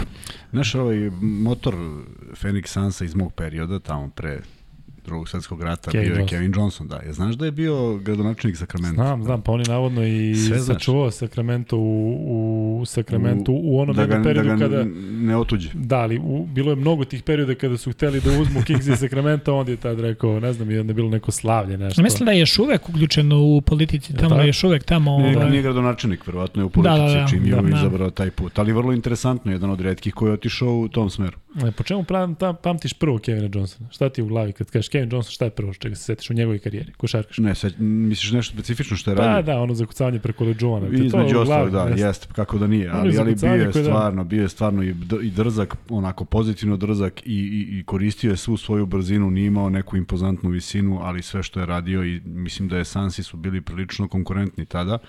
Ja sam ih voleo negde u nekom, u nekom segmentu i mislim tada smo znali sve o svakom igraču, a on je bio ipak e, perjanica Phoenix. Kakav odnos imaju danas prema Barkley u Phoenixu? On je sad postao onako, ajde da kažem, da me ne ljudi pogrešno i da se Barkley ne uvredi, ali on je postao cirkuzant. Njega pamte kao jednog fantastičnog igrača koji je bio toliko dominantan, zato što ove nove generacije njega vide kao čoveka koji onako sprda se po, po ovim programima, ima dobre šale. Nekako mi deluje da je čak i njegova i Šekova karijera koliko su bili fenomenalni da neko u drugom planu. I generalno se ljudi vraćaju na, na te sanse sa, sa početka 90-ih. Pa, fan, definitivno, znači ja dok sam živeo u Phoenixu, tamo dosta je u gradu, samo su dosta pričali kakav je nekada Phoenix bio, kako se borili za titulu, to je tim koji, ja mislim, 53 sezone u NBA-u nikada nisu osvojili titulu, sa Montijem su uspeli da odu ponovo u veliko finale. Ovaj, sigurno da, da starije generacije te kako znaju, te kako poštuju, a mlađe generacije mislim Teško da im je potrebna pa da. A, teško je nekome ko nije gledao Michael Jordana da, da, ono, da ukapira zašto je Michael Jordan najveći svih vremena. I sve te priče kako bi oni danas njemu ovako ili onako ovaj da. ovaj volio bi da postoji ovaj mašina u da, da može, kroz da vreme da, pa da pa da, da se vidite kada je imao 28 ili 30 godina kako je to izgledalo. Ali ovaj um, mislim da ga jako ozbiljno shvataju kao i bivšeg igrača. On ono, opet pričamo o tome dosta svega, svega toga je show. Znači i on i da. Shaquille O'Neal, ovaj, pitanje koliko se oni sami pripreme za neku emisiju. Sigurno to, se pripremaju, pa naravno. Vidite kako se spremaju, ovaj, pola igrače ne znaju ni imena i tako dalje, ali, ali da. su zabavni, ja, oni ljudi žele to čuje. Kao da igra ovaj niko nema pojma. Pa da, da oni ono, vole, vole, ljudi vole da, da ona imaju neku laku konverzaciju koju oni imaju i to je to im je super. E, ali vidiš, ovde si izneo nešto što, o čemu smo pričali uh, vezano, a vezano je za, za, za naše za naše podneblje. ugovori su bili na četiri godine svoje vremena. Nije bilo igrača koji je potpisivao kraći ugovor. I to je upravo ovo. Sad ti, ti pet godina ide tavoriš, boriš se za nešto, onda odjednom jedne godine to se pokrene kao prošle i onda Fenix, evo ga ponovo na nekom putu ka, ka vrhu. E, e, nama deluje odavde to neobično, a u stvari postoje tačno neki delovi koji su strategija kluba kada se rešava tih dobrih igrača, kada dolazi neki mlad, da bi pa onda naprave neki period. Mi naravno živimo u instant društvu gde mora sve danas, a tamo se neke stvari rade danas za period koji dolazi i verujem da si učestvovao u svemu tome u svakom timu u kojem si bio. Ovaj, postoji planiranje tima, ali isto tako NBA liga sa svojim pravilima potiče to. Jer nikome ne bi bilo interesantno da imaju period da je samo borba svake godine. Znači, čak i poslednja ova, znači Cleveland jedno vreme i Golden State svima su oh, kao opet da, opet oni da, da, Nije da, interesantno da, dok da, ne da, do finala. I NBA želi da napravi kroz taj sistem i drafta i pomeranje igrača i koliko imaš pravo da popišeš igrače i a, ta luksuzna taksa i tako dalje, žele da naprave ligu koja će biti kompetitivna. Njihov, njihov, njihov san je da imaju svih 30 timova koji se bore za nešto. Zato je nastao i ovaj play-in, da proširi umesto da. 8 ekipa, 9 ekipa koji se bore, da prošire to na 10, 11, 12 timova koji se bore za nešto, da uđu potencijalno u play-off i tako dalje, da smanje razliku, da nema razloga da tenkuješ da bi onda imao bolji draft pick i tako dalje. Ali ovaj, tekako moraju da zaštite tam, naročito te manje markete, ovaj, da im daju šansu. A pravila su takva kada potpišeš taj prvi ugovor, to je četiri godine, a i onda tim ima pravo da te potpiše na još pet godina, što znači garancije da će jedan vrhunski klinac da, da bude u timu 9 godina, daje ti period do 9 godina da ponovo budeš kompetitivan. Već znači kada ta se završi 8. 9. sezona, svaki rad želi da bude, hoću, e, hoću da osvojim, hoću da ostavim neki trag, znači hoću da budem u dobroj ekipi. E, ako im ti da, tada ne obezbediš i oni postanu neograničeni slobodni agenti, Pa ode Odlaze, majstor, da. ode, ode, potpisat će negde gde može da, da, da. se bori za titulu. Ali vidiš, to je interesantno i sad ovo što si rekao prvi put razmišljam, da, ovaj, Boston i Lakersi godinama, Boston i Lakersi, mislim, uživali smo i u tome, jer su tu stvarno bili najbolji igrači, ali niko nije mogao da, da, da, se, da se prikači Koliko? u tom 12, 13 godina, pa to, to je, je trajalo da. koliko, koliko hoćeš. Ali, i, ali opet to posmatramo kroz jednu vrstu biznisa. Dakle, oni žele da to sve bude, da svaki navijač oseti tu tenziju, mogućnosti da njegov tim, ako ne danas, a ono za određeni broj godina, pa ovo što kažeš, nema publike, pa odjednom počne da se puni, kako, kako krenu dobri rezultati. Tako da, oni to posmatraju zaista sa, sa svih aspekata. Mi, ne, evropska košarka ne može to da isprati. I nikad ne možemo da napravimo kopiju iz hiljadu razloga, ali to je nešto što NBA zaista odvaja od, od svega ostalog, od svih ostalih sportova. A znaš kako, mislim da i ne treba se pravi kopija. Ne treba, slažem se. Ne treba, se pravi treba bude kopija. košarka, ovo treba bude NBA. To Tako je, je ja pričam sa dosta ljudi tamo je kao kako bi funkcionio sa NBA da dođe NBA u Evropu. Pa znaš kako, igra bi Real Madrid sa, lupam, Real Madrid sa Lakersima i nikoga ne bi to interesovalo u Evropi. Tako Ali Real Madrid igra sa, sa Barcelonom, znači traži se karta više. Tako je. Znači to je neki lokalni rivalitet, to je neka tradicija koja postoji jako dugo. Šta sad mene interesuje da Zvezda igra protiv, ne znam, Milvokija? A, koga razumeš? Biće interesantno tu jednu utakmicu Tako je, a, i on, a, a treba da gledaš takvih utakmica 41 kod kuće i treba to da platiš jednu određenu cenu koja, koja, koja Nije košta. Malo. Nije malo. Nije malo. Da. Ali ovaj, jednostavno drugačiji smo i ono što mi treba gledamo da gledamo da je evropski taj produkt, da je evropska košarka da, da bude bolja, a ne da budemo kopija nečije. E, to, to. Dobro, dobro, dobra rečenica. Ima puno pitanja gledalaca, ali ajde, samo da završimo ovu, ovaj posljednji deo koji je i najzanimljiviji, ajde da kažem. Dakle, za Memphis. Za Memphis. Došli smo dakle, do Memphisa. Darko, ti si e, prvi pomoćnik u timu koji je bio apsolutno najveći hit lige. Ja i ti smo pričali malo pre toga.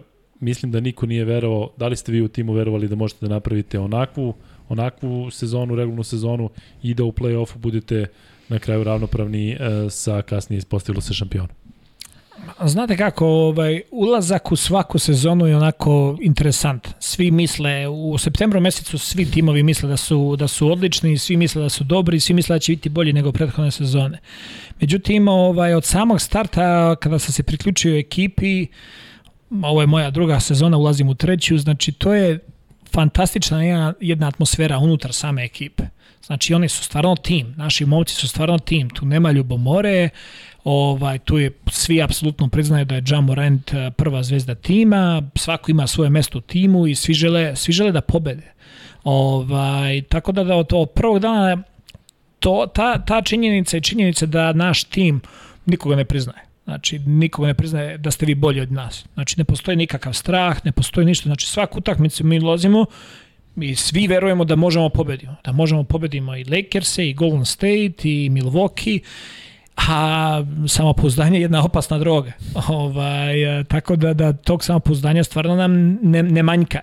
Ovaj, I naši momci stvarno, ove godine smo bili drugi najmlađi tim u ligi, to je znači takva borba za svaku utakmicu. Znači mi, niz, mi imali smo možda dve ili tri utakmice u celoj sezoni gde smo e, da nismo odigrali na, na vrhunskom nivou i da se nismo borili. Sve ostalo, znači, svi nam daju taj kompliment kao, e, borite se fantastično svako veče, jer mi stvarno igramo svaku utakmicu kao da je poslednja utakmica, stvarno ono, dajemo sve od sebe.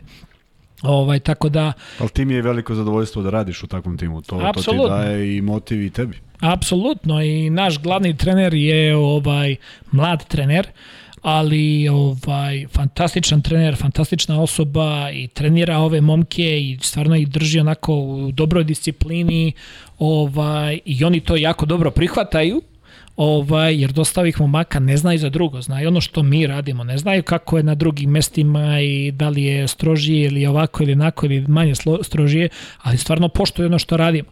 Ovaj, postoji velika vera i poverenje jedni druge, stručni štab u igrači, igrači stručni štab i naravno tu je naš, naš ovaj front office koji radi fantastičan posao da dovode prave momke, da dovode prave ličnosti, sve to zajedno kada se, kada se ovaj stavi, Onako, dobije se ovaj rezultat. Tako je, dobije se ovaj rezultat. Znači, je, ali rekao si nam pred početak da si produžio ugovor Jesam, produžio sam ugovor, nećemo na koliko i šta ćemo, ne, Divno. nećemo detalje, ali Nećemo, osta, da, ostajemo do daljnjeg tamo. Da, ja, ja sećam da kada sam video tu informaciju da si prešao iz Phoenixa u Memphis, da sam razmišljao pa čekaj što pa Phoenix ima perspektivni tim, tako mi je tada delovalo. Ne perspektivni tim, nego tim koji ima veći domet. I onda takav bum sa, sa Memphisom nekako deluje da su se u tom slučaju baš složile kockice kako treba. Pa jesu, ovaj, uh, ja sam imao priliku ranije da jako dobro upoznam Memphis. Jako moj dobar prijatelj je radio kao trener uh, odbojke ovaj, na, na Memphis univerzitetu, uh, Marko Majstorović. I to van sezone sam dolazio kod njega u posetu i onda mi je on pokazivao delove grada i tako dalje. Centar grada ovaj, u Memphisu nije preterano atraktivan, a svi timovi odsedaju tu i onda kada si u NBA ne znaš ni za šta drugo sem to ali kroz neko prijateljstvo i druženje sa njim upoznao sam sve šta taj grad može da, da, da ponudi. To mi je bila onako jako ovaj, bitna stavka u odlučivanju. Ovaj, druga stavka je jer sam poznavao i glavnog trenera i verovao sam u projekat i u mlade momke koji su tamo. Ovaj, bila mi je nekako, za mene bar je bila ta prirodna ovaj, odluka i sa, pomerio sam se sa mesta drugo pomoćnog, da postanem prvi pomoćni trener, tako da sve to zajedno ako dalo mi je ovaj dosta neke vere da, da, da pravim, da donosim pravu odluku. E, kratko za Memphis, mene drugar vodio po Memphisu, odnosno odveo me do kuće koja je onako polu raspadnuta i rekao je, mene ovde tata stalno dovodio kad sam bio mali. I rekao mi, vidiš ovu kuću, kuća, kažem ti, koja je samo što se ne sruši, E, kaže, ovde je Penny Hardaway odrastao i vidi šta je napravio u svojoj karijeri. Jako je mogao da bude još veći igrač. Jesi imao možda neke kontakte sa Pennyjem? A ne, ovaj nažalost, ovaj pokušavao sam da i da odem na neke utakmice, ali ova ova sve sa covidom i sve je da. jako jako bilo teško i pritom oni prave, oni igraju u istoj hali gde i mi, ali uglavnom prave raspored tako da, da. igraju utakmice kod kuće kada smo mi na put. Jasno, da, da. Tako da nadam se da će nas se ovaj ukrstiti putevi, putevi tako je. Kada smo već kod covida, imam još jednu priču za Darka. Mi smo Znaš eto bolesnog Da, kada je Taylor Jenkins bio uh, bolestan, Darko, ti si vodio Memphis kao prvi trener koliko, koliko dugo, koliko utakmica? A, četiri utakmice. Četiri utakmice. Tada je Memphis bio u neverovatnom nizu. I uh, ono što sam tebi možda i rekao, kakav je Darko gospodin i kakav je car sada kada je, ajde da kažem, bukvalno onako njegova karijera otišla uh, u nekom fantastičnom pravcu isti apsolutno kakav je bio pre 20 godina. Ja sam mu poslao poruku u tom trenutku kad sam vidio da je, po, da je postao glavni trener, poslao sam mu poruku e, Darko, čestitke, sve najbolje, želim da svaka čast na seriji. Tako nešto najjednostavnije, možda dva reda. Gledam Golden State Memphis i vi ste Golden State pobedili, je li tako? Kada Tako si ti je. vodio, je to bilo kod kuće ili, ili Kod kuće, kod da. kuće, da. I sada, znaš kako je to kod nas? Kod nas je to 6-7, ja već ustajem ono 6, pola 7 i sada ide konferencija za novinari i Darko priča. I završava se konferencija, a ja sam sve vreme video, znači ja sam poslao nekoliko sati pre utakmice, vidim da je na Whatsappu jedna ona štiklira. Kako je završio konferenciju? Ja odim Tako je stigla se, poruka. Stigla poruka, Luka, hvala ti puno i sve. Znači, prosto, kažem ti, e, neverovatno, pazi, pobediš Golden State, koji I je zanima tada šta bio... piše Luka. Tako Divne je, stvari. kažem ti, posle Bogu. toga, posle toga, kažem ti, konferencije koje svaka mu čast baš lepo, javit će se možda, pogledam telefon, Javio 7 se. ujutro je Darko Sija. Ali jedno pitanje o, o, o, o, koje, koje me zanima zato što faktički to sam pričao sa, sa Igorom godinama i uspeo dođe da bude prvi trener. Gde postoji taj neki neki otklon prema stranim trenerima, što je evidentno, i koliko uskoro možda postaneš ti neki Amerikanac da te tako doživljavaju pa da možda i, i dobiješ jednu šansu. Da li razmišljaš o tome? Znam da jesi zadovoljan ovom pozicijom, ali ja mislim da, da uz ovo što si rekao za reprezentaciju, to je onda ostvarenje onog još luđeg sna koje, koje stvarno neko iz Srbije da mašta, nije da do mašta, ajde do reprezentacije i možeš, ali do prvog mesta na, u NBA ligi. Da li postoji neka šansa? Kako to ide? Da li se čeka nekog, neke godine? Ka, kako stvari funkcionišu? Um, sigurno da postoji šansa. A, postoje je jako dugo godina je postaje otpor prema internacionalnim igračima i da kažemo neko ni podaštavanje internacionalnih igrača. Pa ti neki momci su uspeli da se dokažu i pokažu i da naprave karijere, da pokažu da su podjednako dobri ili bolji od njihovih igrača. Ovaj, došli smo do toga da od pet igrača koji su kandidati za MVP-a lige, četvorica su internacionalni da, igrači. da. ovaj, i Jokić, i Embiid, i Adetokumbo, i Luka Dončić. Znači, to je, to je fantastična stvar.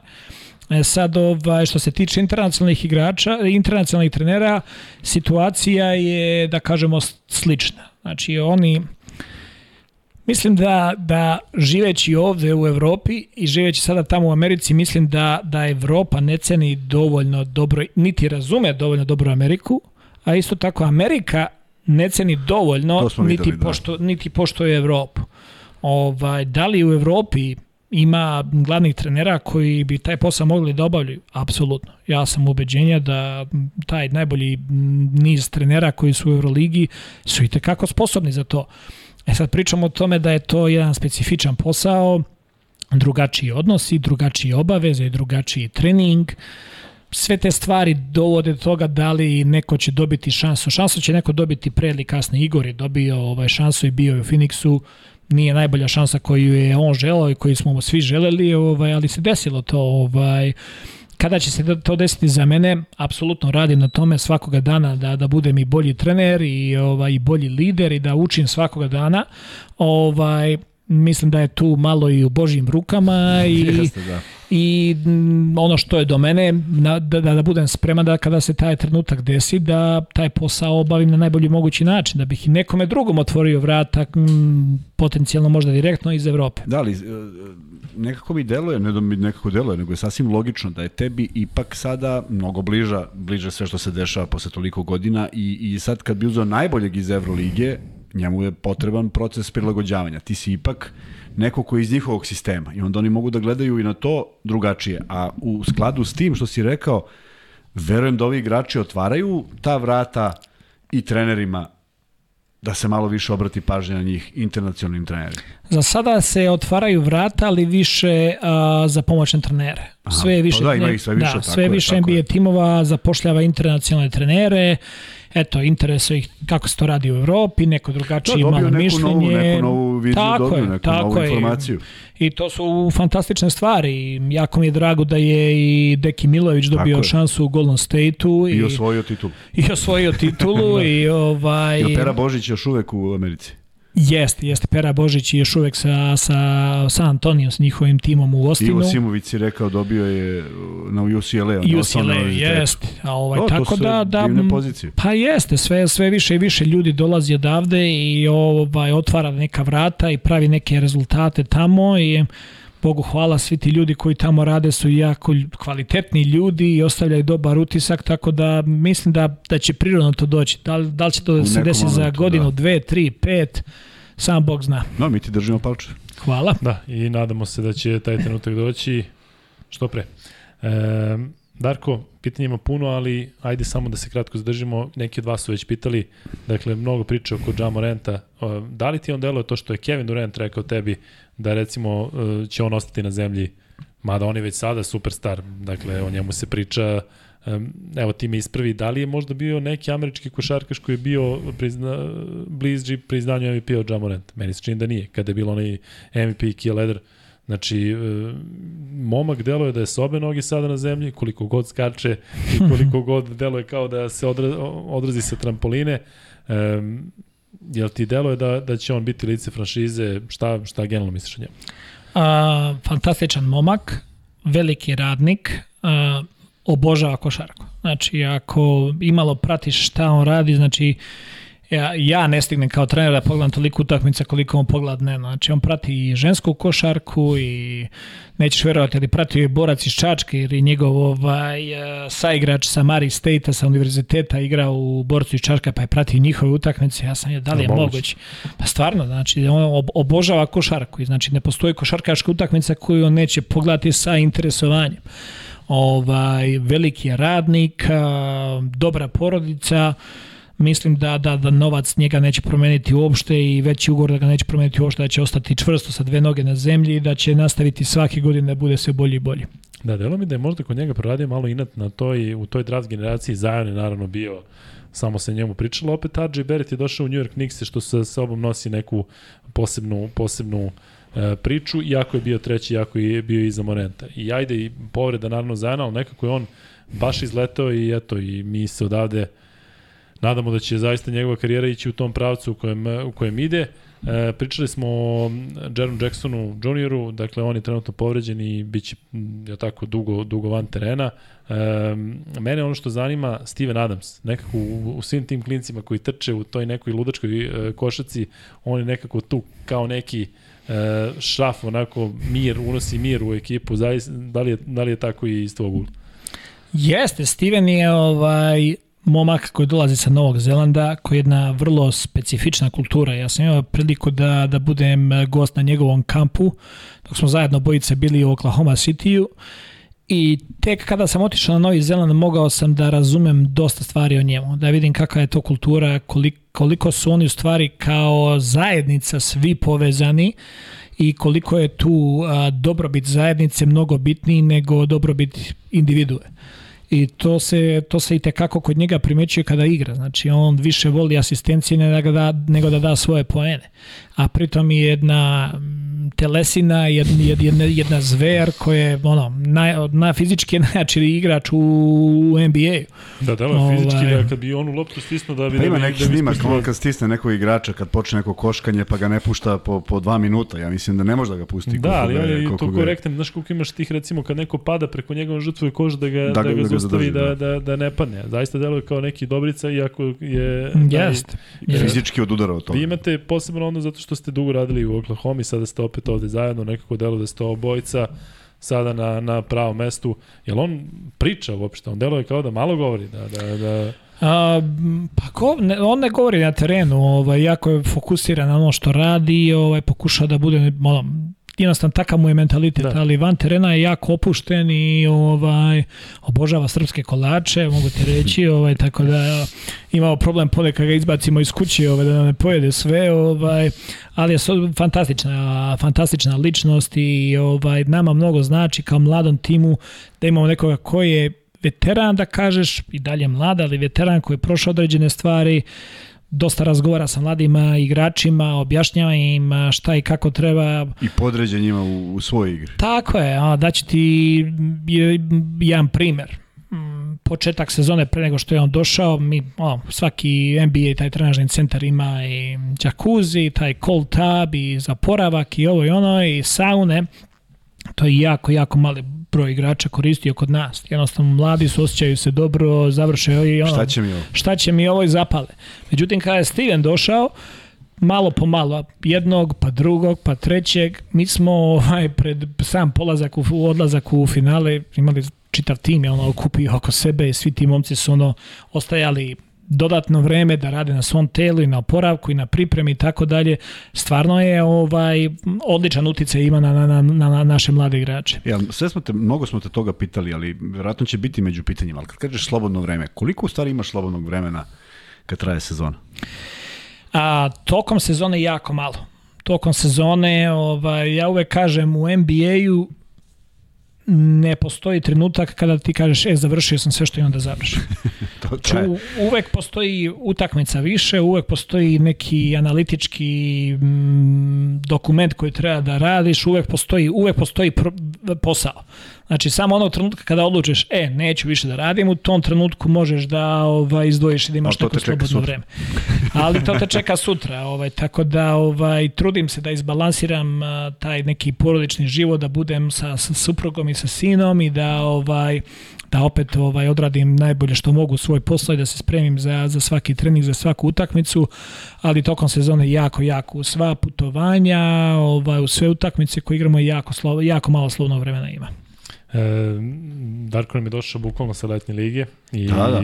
dakle ni ovaj ajde da kažem period sada nije opušten, dakle nema ima ima dosta posla. E, Kenny Lofton Jr. samo se o njemu priča. Kakav je tvoj utisak? Dakle, on nije biran na draftu, a, a toliki je hype oko njega. Da li, da li je realno očekivati da on već naredne sezone možda... E, naravno da je letna liga posebna priča, ali e, ne znam da li se sećaš, ali on je onaj ja i ti smo ga čak komentarisali sigurno. jednom, sa prošle godine do 19 godina američke reprezentacije, on je čovjek koji ne deluje kao košarkaš, a sve rešava, sve rešava glavom. Dakle, neko ko je toliko inteligentan, a kažem ti, deluje da ima jedno 30, 30 kg više. E, jesi imao priliku možda sa njim da, da ostvariš neku komunikaciju, da vidiš zaista kakav je taj momak? Da, ovaj, bili smo sada zajedno na letnjoj ligi u Las Vegasu i Uti. A, jako talentovan momak, jako talentovan igrač. A, ovaj, mm, on će biti početak sezone na, na tom ugovoru na two-way, ovaj, tako da biće sa nama, biće sa, sa razvojnom a, ligom, ali potencijal je neminovan i mislim da će, da će naći svoje mesto u NBA ekipi, da će biti sa nama u nekom trenutku sada šta treba da se radi, treba da, da radi na svom telu, treba da nauči NBA, treba na određene stvari da, da prođe tu kroz iskustvo određeno, ali fantastičan talenat, momak u koga stvarno svi u klubu verujemo ovaj, i zaista, zaista sam ubeđen da će on imati jako dobru karijeru u NBA-u i da će ostati dugo vremena sa nama. E, Darko, krećemo sa pitanjima. Ono što ljude zanima opet povezuje ovde sa, sa Partizanom i Zvezdom. Tvoje mišljenje o Danteu Egzamu i Shabazu Napieru iz tog NBA ugla. Pošto su naravno Egzom je već u Partizanu, priča se mnogo da će Napier doći u Zvezdu. A Dante Exum je, ako se ne varam, bio je peti pik na draftu. Znači, to je atletski jako sposoban igrač. A, došao je u tim a, Jute koji je ono, pravio tim za, za, za neke šampionske poduhvate. A, radio je sa jako ozbiljnim trenerima, sa Quinn Snyderom ovaj, u Juti. A, međutim, dok je bio NBA nikako nije imao sreće sa povredom. Da, Znači, konstantno. non stop je bila neka povreda, nisam siguran detalji šta, šta je bilo u problem, ali to je bilo igra pet utakmica, nema ga 10, igra 10, nema ga pet. Ovaj, mislim da sve te stvari su iza njega, mislim da je ovaj sazrelio i košarkaški i njegovo telo da je sazrelio. Ovaj tako da da mislim da je to jako dobro pojačanje za za Partizan i to njegovo iskustvo igranje sa sa Barcelonom će mu i kako pomoći u tom nekom sledećem koraku i igranju za za Partizan. Shabazz Napier, jesi imao neke...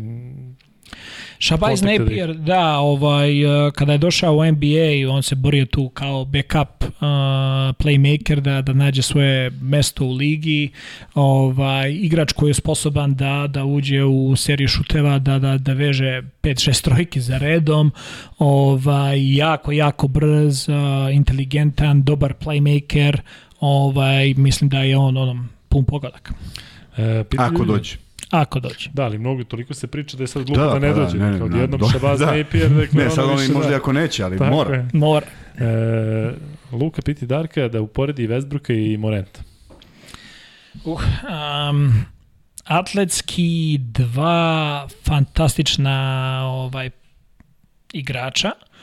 Ali toliko različita u svojoj igri. A, Westbrook je skoro celu svoju karijeru posvetio samo tome da igra na svoje fizikali.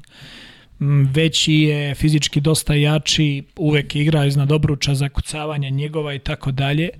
A A Jamorant je malo niži, naravno fizički dosta, dosta ovaj, manje kilaže, manje mišića, ali isto tako jako ovaj, inteligentan i radi na svojoj igri svestan da, da konstantno mora da unapređuje svoju igru. Da mora koristi i glavu više. Tako je, tako je, jer ono, svaki put ići da, da zakucaš preko nekoga ko ima 150 kg i visoke 215, da. ne, ne, no, u nekom trenutku se malo i umoriš od svega toga, ovaj, tako da radi dosta da proširi svoju, svoju igru. E, mnogo lepih poruka, ali evo jedna koja mi se dopada. Pozdrav dobri ljudi, evo juče uz COVID i izolaciju, sad sam otkrio vaš podcast i hvala vam prekraćujete mi vreme na zabavan način. Želimo drago da nam, se oporavi što pre. Tako i drago nam je ovaj, što pomažemo bar na ovaj način. Kuzma, pitaju tebe za Papa Petro. E, već svi ovde, ovi naši, ajde da kažem, provereni, kažu da će sutra biti predstavljeni. Da, da je kažu da je potpisao za Partizan. Da. Uh, Dobro ga poznaš iz mečeva Zvezda Da, gledali smo, gledali smo mnogo. Ja mislim da je on jedan od igrača koji odudara u onom u, u celoj u celoj ideji njegove igre od od svega što smo gledali ostatka. Panatinikosa u čast, čast nekim izuzecima. Mislim da je igrač koji je zaista taj tim doživljavao kao svoj i borio se na sve moguće načine da se da se pobeđuje, ali imao je jednu onako grupu igrača koje to baš nije zanimalo i, i mislim da je ovo njegov iskorak da se da, da, da, da, da u takvom nekom maniru nastupi u Partizanu. Znači da ne bude sad on je došao da bi nešto jedan deo radio, nego da bude igrač koji će biti ono što je želeo da bude u svom timu, ako se to poklopi bude iskorišćen tako, ja mislim da može mnogo toga nego što su sami poeni i mislim da u, u nekim timovima kada se timovi prave, jedan takav Papa Petru, Papa Petru je potreban da bi ovaj da bi tim funkcionisao. Tako da meni je drago što što uopšte aj sad pričamo drago, nedrago, nego nego je neverovatno šta se dešava o kojim imenima pričamo u ovom prelaznom roku koji je potpuno drugačiji od svega ovoga do sada. Meni bi bilo draže da je Papa Janis, kad smo već kod nekog pape, da se on Dobro, nekako, da, naravno. Dakle, Papa Janis, kažem ti, delo da nema, nema šta da baciš, a da on ne uhvati. Tako Svakako, da... ali i on je imao, jest, on je imao takvih, takvih neverovatnih stvari, da da 10 poena pa ne dobije loptu u narednih 25 minuta, niko ne obrati pažnju na njega jer, jer, jer uopšte nema sistema igre kao tako. Ali ono što me najviše oduševilo kod njega, pričao sam ti kada je bio prozor uh, Fibin, da je igrao, da, Grčku, da je, da, da je otišao s utakmice. Da. Odem, kažem ti, pojedem, vratim se i sad vidim Panathinaikos onu u dresu. Ne znam da. kako uspeo iz hala do hala da dođe. Da je igrao i u istom danu. Pa u istom, u istom, u istom nekoliko u sati. sati. Ima jedno pitanje, Bojan nam je pisao, on piše na e-mail, pa je jedan od redkih koji tako piše. Bojan pita, ovo za Zvezdu i Partizan ćemo u drugom prilikom. A, svi mi koji smo pratili NBA ranije i konstatujemo da je nikad više novca. Međutim, NBA funkcioniše na toj bazi, je li tako? Oni imaju puno para i onda te pare moraju da se potroše i otuda i ugovori koji su ipak ne mogu kažem nerealno, realni su u odnosu na tamošnje zarade celog sistema. Kako, kako ti doživljavaš taj, taj skok cena? Da li se uopšte o tome priča ili je to uvek bila neka priča koja imala svoj, svoj odnos kad je bilo 3 naprema 2,5 miliona pa i sada? Da li, je, da li je u stvari to nešto što je tamo se podrazumeva i ne obraća se pažnje na tako nešto? Um, evidentna je razlika, ovaj, promene se dešavaju, znači velika je razlika u odnosu na pre 10 godina kada sam došao u NBA i sada, znači kada se malo premota film, uh, u Oklahoma City u, na produžetku ugovora nije ostao James Harden, a ugovor, ponuda ugovora bila je 62, 64 miliona, razlika je bila znači u 2 miliona i čovjek nije, nije ostao, ostao. podrži ugovor. Da. Znači pričamo, znači to sada su znači malte ne kikiriki u poređenju sa ugovorima koji Izvini, su... sad se Harden odriče nekih 17 miliona piše, dakle sad... Tako da. je, znači dru, sasvim je drugačija priča, ali ono što se desilo, ovaj, desio se novi uh, TV ugovor gde su ušle, ušao je novac koji ja mislim skoro 10 puta veći, veći nego što je, pa nego da, što je to bio. To je jedno objašnjenje, nema I to, sad. ovaj, naravno, i ekonomija je takva bila da m, cene karata su skočile, da, da prodaja dresova je skočila, jednostavno taj revenue koji se ostvario toko svake sezone je sve veći i veći. To je I onaj njihov... tim se da, i samim tim se podižu, nema tamo štednja neka. pa ne, nego postoji ugovor između, je, se, između Unije igrača i da, da, da. vlasnika klubova. Da, znači, to je, no, to je ono što je postajalo lockout i tako dalje, pa su oni te probleme rešili, doveli su do toga da sada lockout se nikome ne isplati. Tako. To je čisto samo gubljenje novca, ali ovaj, meni je jako drago da igrači mogu da zarađuju taj novac, ovaj, ono što bih voleo, voleo bih da i mi treneri dobijemo ovaj, deo kolača. Koji je? Nećemo te naravno nikad nikog normalno ne bismo pitali ovaj, red, koja ti je plata ili bilo šta, ali ajde neki samo red veličina, rekao si ima mnogo trenera, pa imaš verovatno je razlike među prvog, pomoćnog, drugog, ili tako. Koji je red veličina pomoćnog, pomoćnih trenera? od koliko do koliko? Da li imaš neku predstavu? A, da li onaj poslednji uopšte? asistent može da živi od te plate koje dobije? Apsolutno, apsolutno. Znači, svi mogu da žive i naravno da postoji razlika između onih a, koji su ispred klupe, da kažemo, sa onim pomoćnicima koji su iza klupe, dosta stvari se tu uzima u Ali su to normalni životi, obezbeđeni Absolutno. ljudi, ne obezbeđeni za narednih 100 godina, nego to su ugovori ne žive, koji... Ne žive od plate do plate. Da, da, ne, ne mora da, da vozi Uber pored toga. Tako da. je. da. E, Darko, pitaju te, ko je trenutno najbolji igrač našeg porekla u NCAA? Mm. Ja stižeš da pratiš to ili ti, ili ti obaveza da. da pratiš? Ne, ovaj, to je ono što je odvojeno isto tamo. Znači, mi smo bukvalno koncentrisani na, na naš našu ekipu i na ovaj ono uspeh koji stvaramo da. tokom sezone. Front office naš mnogo, je da bi mnogo, dosta dosta, to, da. dosta skauta imamo koji prate koleđ, koji prate Evropu. U koleđ sam da kažem upućen zbog poznastava sa sa ljudima naših porekla koji rade u ovaj ovaj, u Americi, Nemanja Jovanović koji je bio na SMU u Dallasu godinama, Ivo Simović, ovaj, a, Interesantna je stvar, to je jako dobro pitanje. Mislim da postoji nekoliko igrača koji su našeg porekla, koji su jako, jako, jako talentovani i jako interesantni za naš nacionalni tim u budućnosti. Znači, ne pričamo o nekome končaru kome je deda ili baba bio s ovih ne, prostora. Ne generaciji koja se ocelila odavde. Tako je, gde Tako. su tata i mama iz Srbije i da. pričaju srpski, gde deca pričaju srpski. Ovaj, e, tako da, da, da mislim da postoji jako dosta talenta tu i tih momaka, ovaj, nadam se i verujem da da ovaj naš savez prati te momke i da će ovaj moći da naprave s njima ovaj priliku da igraju za našu reprezentaciju. E, da, nadamo se i mi. E, ima ovde dosta pitanja za Darka, da li bi dolazio nekada u Srbiju da trenira neku ekipu, da ne postavljamo ta neralna pitanja u ovom trenutku. E, Ima pitanje za mene. Da, ima kako bi ure, po, poredio Hollinsa i Holanda? Da li je Zvezda izgubila ili dobila na toj poziciji?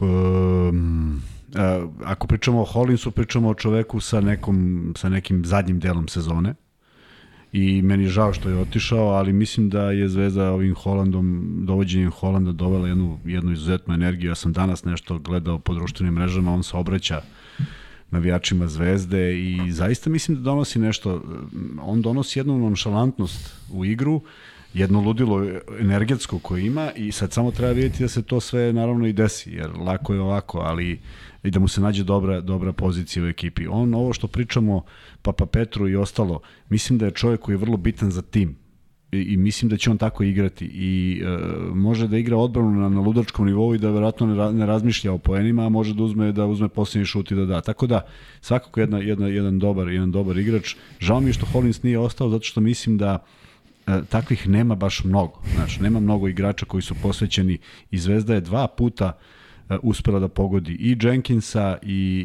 i kako se zvao Admiral Nelson uspeli su da pogode igrače koji su bili pre svega timski igrači. Nelson malo zbog lošeg šuta za tri pa je radio sve što je morao da radi, a Jenkins koji se, koji se dokazao i najbolje partije verovatno pružao u Zvezdi. I obojice Srbi. I, I obojice imali srpske pasuše, da. da. um, mnogo pitanja kažem za Darka, neke nećemo stići da, da, da postavimo, nemojte se molim vas zbog toga ljutiti. Ali, e, Darko, pitanje e, koje sam propustio i sada ne mogu da ga pročitam u originalu, ali e, da prokomentarišeš već jesi, ono što se tiče reprezentacije, ali e, šta je to možda falilo e, u, u Kini? Ljudi sada postavljaju e, to pitanje šta je to možda falilo u Kini, da eventualno sada se isprave te neke greške za ovo evropsko prvenstvo. Uopšte uporedivo, pošto ima dosta igrača iz naravno te 2019. i ovih koji će predstavljati sad. Ili ima nešto što bi ti recimo rekao na, na prvu loptu, aha, to je sad nešto što treba uočiti da, da, da se ne napravi opet slična situacija. Pa falio nam je Miloš Teodosić. Da. Nadam se da će biti spreman da igra ovo evropsko prvenstvo. Da, toliko u stvari jednostavno, da. ovaj, ne bih želao da Miko pogrešno razume sa ovim što ću da kažem, ali ovaj svi uspesi naše reprezentacije se poklapaju kada smo imali vrhunskog playmakera. Tako. Nema šta da te pogrešno sad mi o tome pričamo. Sale, Sale Đorđević je nosio reprezentaciju fantastičnih igrača je tu bila, ali smo imali nekoga ko će da nam prenese loptu, da nas organizuje i tako dalje, da ne pričamo ovde detalje svega toga. Ko je trebalo da bude iza njega? Miloš Vujanić. I Miloš Vujanić je polako zrelio da bude taj, da bude da. nosilac reprezentacije. I onda se dešavaju njegove povrede, povrede da. I mi jednostavno u tom trenutku nismo imali drugog. Dok nije se pojavio Miloš Teodosić, koji je, koji je pravi playmaker. Sada imamo Vasu Micića, ali jednostavno ta pozicija playmakera, nekoga ko, ko, ko je nosilac igre koji je, mm, da kažeš, organizuje, koji zna da prepozna glava, ekipe, glava da. ekipe, koji zna da poveže momke da Kuzma dao dve za redom, pa moraš ga nađeš i treći put. Znači, te, te neke stvari, ovaj, mislim da su jako, jako bitne za reprezentaciju i posle Vase Micića nadam se da ćemo imati nekog novog klinca da se da taj neki klinac pričali smo nedavno, pričali smo nedavno ali ali nešto nešto mislim i naravno i mi želimo nego nego prosto ne znamo gde da nađemo tako nešto. E, Darko, koliko se promenila igra centara u NBA ligi i koliko se promenio način rada sa njima? A mnogo mnogo. Ovaj, NBA liga koja u jednom trenutku uh, je bila dominantna sa centrima, ta, je, me, me, ta taj period sa Shaquille O'Nealom i ovaj tim Dwight Howardom koji je bio dominantan centar, Hakim Olajuwon, došlo je do toga da, da je ta petica postala u jednom trenutku... Previsoki su, višak su. pa po, postala u jednom trenutku da ovaj su bili nebitni, znači bi da. njihova uloga u timu je bila postaviti blokadu, pick and rollu, rolaj ka košu, skoku napadu i to je to ali m, dominantni centri Nikola Jokić i Joel Embiid polako vraćaju, vraćaju, vraćaju to. Znači, ako postoji taj kvalitet, ako postoje ti momci, ovaj, onda će se igra prilagoditi njima. A to su igrači sada koji šutiraju za tri poena, imaju post igru i mogu Sve da, ima, da. da preuzimaju. Od 1 do 5 imaju mnogo, mnogo stvari ovaj, ko u njihovoj igri. Znači, to nisu više petice koje su nekada bile samo post up i u reketu igre. Ovaj, tako da sigurno se menja i način i treninga rada sa njima i ovaj, kako ih koristiš na utakmicu. Koliko se u NBA danas koristi analitika i koliko pomoćnika ima u stručnom štabu NBA timova i koje su njihova zaduženja? A, Analitika zavisnosti od tima do tima, analitika se koristi dosta i dosta tu ima dobrih stvari i svega toga i dobrih brojeva koji mogu ti pomognu, ali ja nisam pristalica toga da budeš rob svega toga. Znači na kraj krajeva ti radiš sa živim ljudskim bićima. Tako je. Ovaj, ja sam to pokušao da objasnim ljudima, uglavnom su to znači neki mlađi ljudi, momci koji, koji dolaze sa fantastičnih univerziteta i jako, jako inteligentni i koji gledaju košarku samo kroz prizmu tih brojeva. Ja onda pokušam njima da objasnim Carmelo Anthony igra celo svoj život na jedan način i njegova igra je sa, sa polu distance. I on kada daje košare sa te poludistance, onda se diže njegovo samopouzdanje, onda će lakše da šutne za 3 poena. Ako ti njega samo pretvoriš u igrača koji će da šutira za 3 poena, njegov šut za 2 je 45%, njegov šut za 3 je 34%. Analitički bolji je ovaj šut za 3, za, za 3 poena. Analitički, da. jer ovo 3, ovo je 2 poena. Međutim, niko ne priča o samo... Ne bi to bila ta igra, tako Ne, niko ne priča o samopouzdanju. Drugačije da. ti kao igrač osjećaš kad vidiš da lopta prolazi kroz obruč, drugačije kad ti promašiš 7 od 10, onda treba da, da, da se digneš na kraju utakmice, nije to, nije to, to isti igrač. Ovaj. I tako je veliki primjer za, za mnogo igrača i za stil igre, koristi se dosta, samo ih treba pravilno iskoristiti. A mislim da si rekao koji je broj ljudi, deseta, koliko, 12, koliko ima? A, zavisnosti od stručnog štaba, od stručnog štaba, ali to prilike ide od 6 do 9 pomoćnika, mm -hmm. plus tu ima dvojica, trojica ljudi koji su za ra, player development i onda imaš grupu video koordinatora koji sve sve to pokušavaju da sa njihovog ugla da, da budu podrška timu. E, da li Nikola Jović može da dostigne nivo Jokića? Malo je onako pretrno pitanje, ali generalno da si gledao Jovića sada na letnjoj ligi, kako ti se čini? Um, jako talentovan momak, um, to što je on doživeo u Majamiju da posle 26 godina mislim da da nisu birali ni jednog igrača na draftu koji da. je internacionalni igrač to pokazuje veliku veru ovaj organizacije prema njemu i mislim da je to ključna stvar da ljudi u klubu ako oni veruju u njega Ovaj, ja znam da taj klub ima jaku kulturu i ozbiljan rad sa, sa igračima. Ovaj, mislim da će biti u dobroj situaciji da napreduje, a dokle će to sve ići, to, to uglavnom zavisi od njega. Ljudi misle da je nešto, ljudi pomisle, ne, ne, ne da misle da je gotovo, ali nema, u NBA nema ništa, to već rekao, nema ništa gotovo, nema ništa garantovano. Dakle, pred njim je ozbiljan rad, ali vrlo je bitno da ima to poverenje i da su oni već u prvim izjavama rekli Tako je. to što su rekli, ali pre, ne, to, to, to je tek početak, a ne, ne Tako da je, je nešto sigurno. E, to je Tako ono što je. ovde ne mogu da, znaš, kad se pročita da je odigrao tri utakmice sad neke dobre i da je taj neki nešto izjavio, oni već vide početak sezone, a to nije tako, to će imati svoj proces i imaće on svojih uspona i padova do nekog sazrevanja, ipak je on jako mlad. Naravno. Pitanje za Darka, malo onako, ne znam da li si imao kontakte sa njim, ali zašto je propao Jalil Okafor? Čak ni u Kini ne može da dominira. Radio sam, odnosno prenosio Jalila ove godine u Kini, on tamo igra sa neverovatnom emocijom i sa onako, čak mi deluje da, da, da je tamo zainteresovaniji za sve što se dešava pred praznim tribinama u play-offu, tako da svaka sve pohvale za, za odnos prema igri.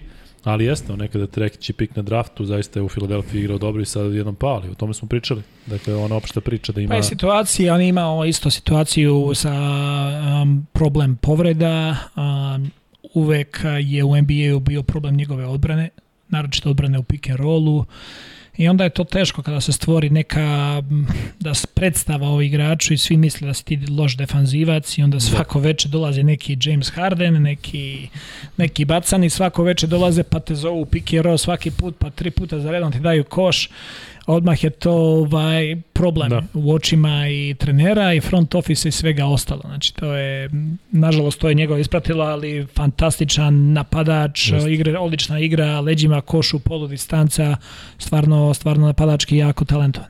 Zašto američki treneri manje viču i psuju na utakmici ili se vara?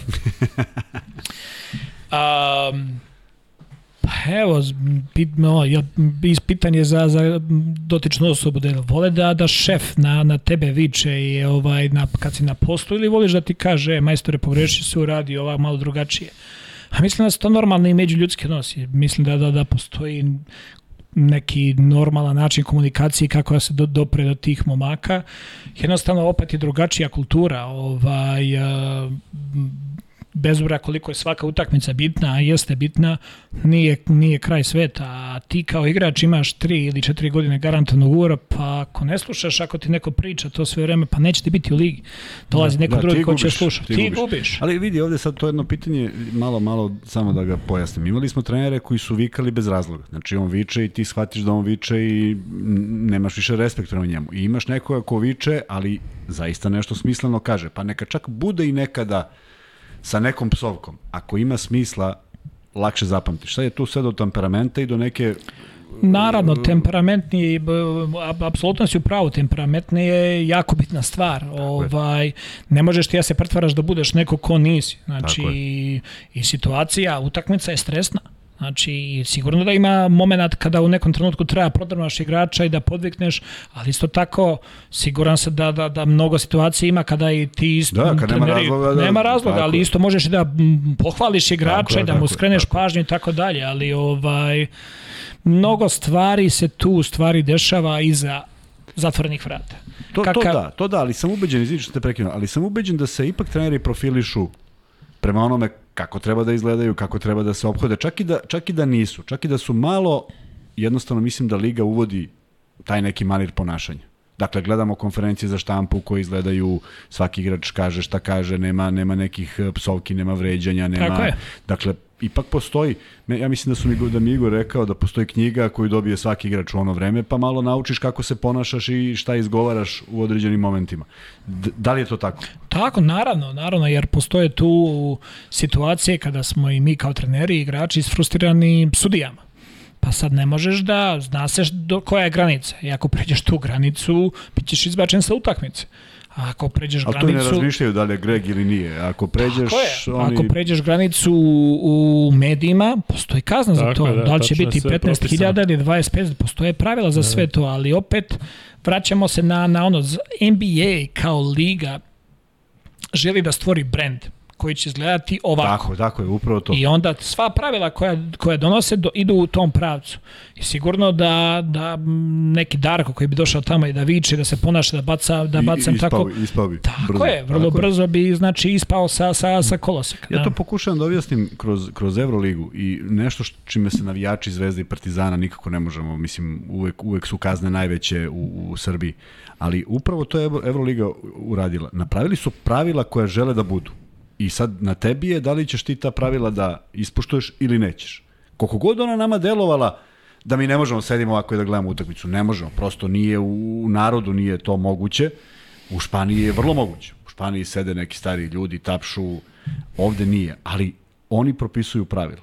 Ili ćemo da ih prihvatimo i da učestvujemo u toj ligi, ili ćemo stalno biti kažnjevani i ocrnjeni kao šta se dešava u Beogradu, a ja zaista ne mislim da se dešava mnogo toga različitog, jednostavno si godinama ostavljao takav utisak.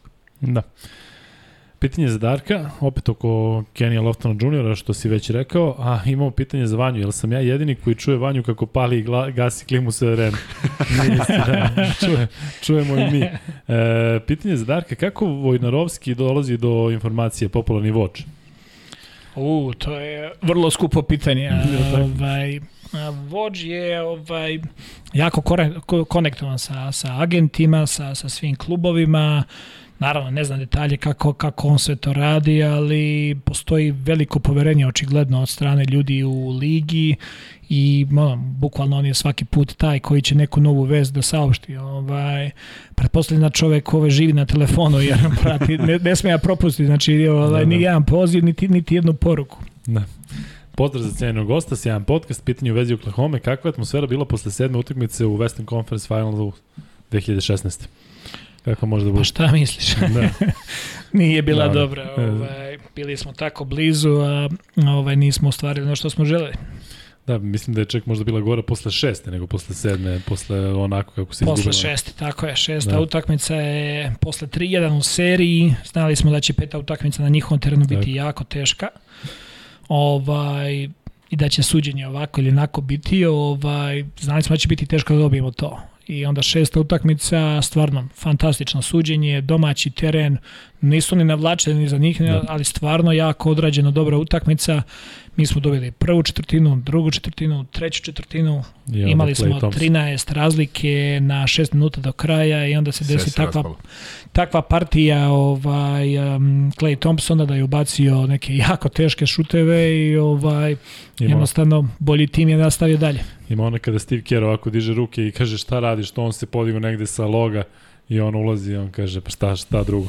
Ali neverovatna zona, jel ti, jel, mislim, surovo je pitanje, jel, jel te podsjetilo malo uh, ovo što ste sada prošli sa Memphisom u, u, u play-offu na, na tu seriju. Opet Clay pa Thompson, jeste, opet Darian ovaj, Green, opet jeste, Steph Curry. Jeste, sigurno. Šest utakmicu je Clay opet odigrao fantastično. Ovaj... Ta šesta ga krene. No, jeste. Pa jeste, stvarno ovaj, u play-offu svaki put kada je šesta utakmica on odigra kao, kao zamađijan, znači mm. neveđeno, ali ovaj, stvarno su tim sa stvarno su tim tri Hall of Famera u ekipi i ostali momci su se tu jako dobro uklopili. Konačno je Andrew Wiggins odigrao jednu ozbiljnu sezonu i fantastičan playoff i to je, mislim da je taj igrač bio velika prekretnica ovaj, za njih, zašto su do, do, do osvojili titulu na kraju.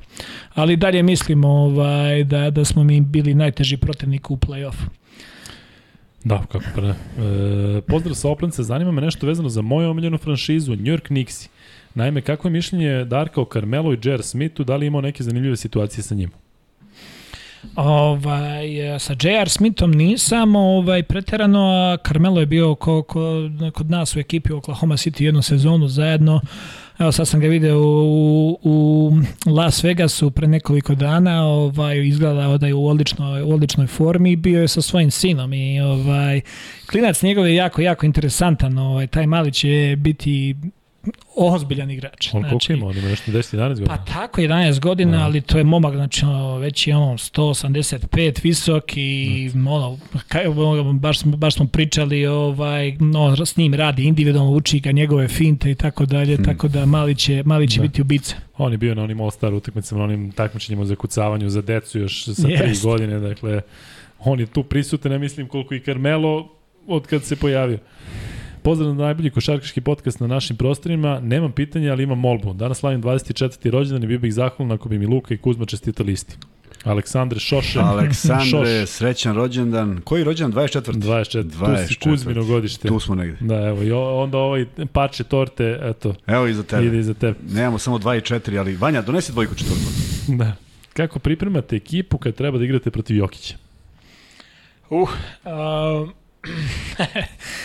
odlično pitanje. Ovaj, pa, pored gledanja filma, ovaj, pored toga pripreme na koju ćemo ruku ga usmjerimo, šta ćemo da radimo, njegove neke tendencije, ovaj, obično pred smo se pomolimo ovaj, svi zajedno da on promaši neki ovaj šut, ovaj, tako da, da molitva je jako bitan deo.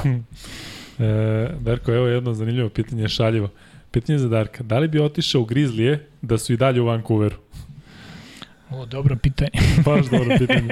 Sreće pa nisu tamo već 20 godina. Srećem nisu, malo je Da. toplije. E, pitanje za cenjenog gosta. Da li se očekuje šta je korak napred za Desmonda Baina, DeAndrea, DeAnthony Meltona, Brandona Clarka i meni jako zanimljivog igrača Zaira Williams?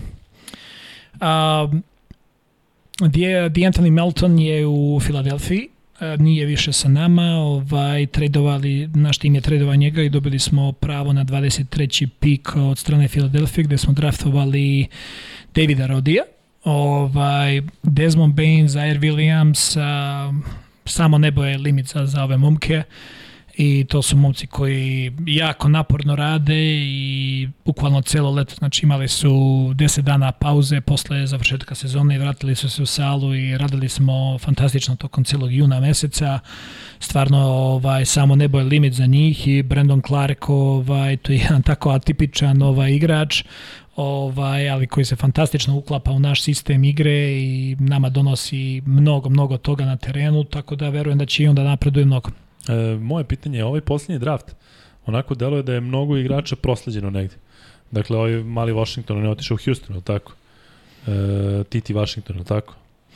Um, da, bilo Sa je Kentucky, ovaj. da, bilo je dosta tu ovaj um, pome, pokušaja pomeranja na draftu, dovođenje igrača, odvođenja igrača, na kraju krajeva završili smo sa a, sa petoricom igrača, sa petoricom rukija, trojicom koja će biti na ugovoru i dvojicom igrača koji će biti na ovom two-way contract. Gdje su generalno zadovoljni u klubu kako je prošao draft i sve. Da, da, da, svi smo jako Da. zadovoljni velika očekivanja imamo svih ovih momaka i verujemo da ćemo i ove sezone opet stvoriti tu dobru hemiju u timu i da ćemo odigrati dobru sezonu.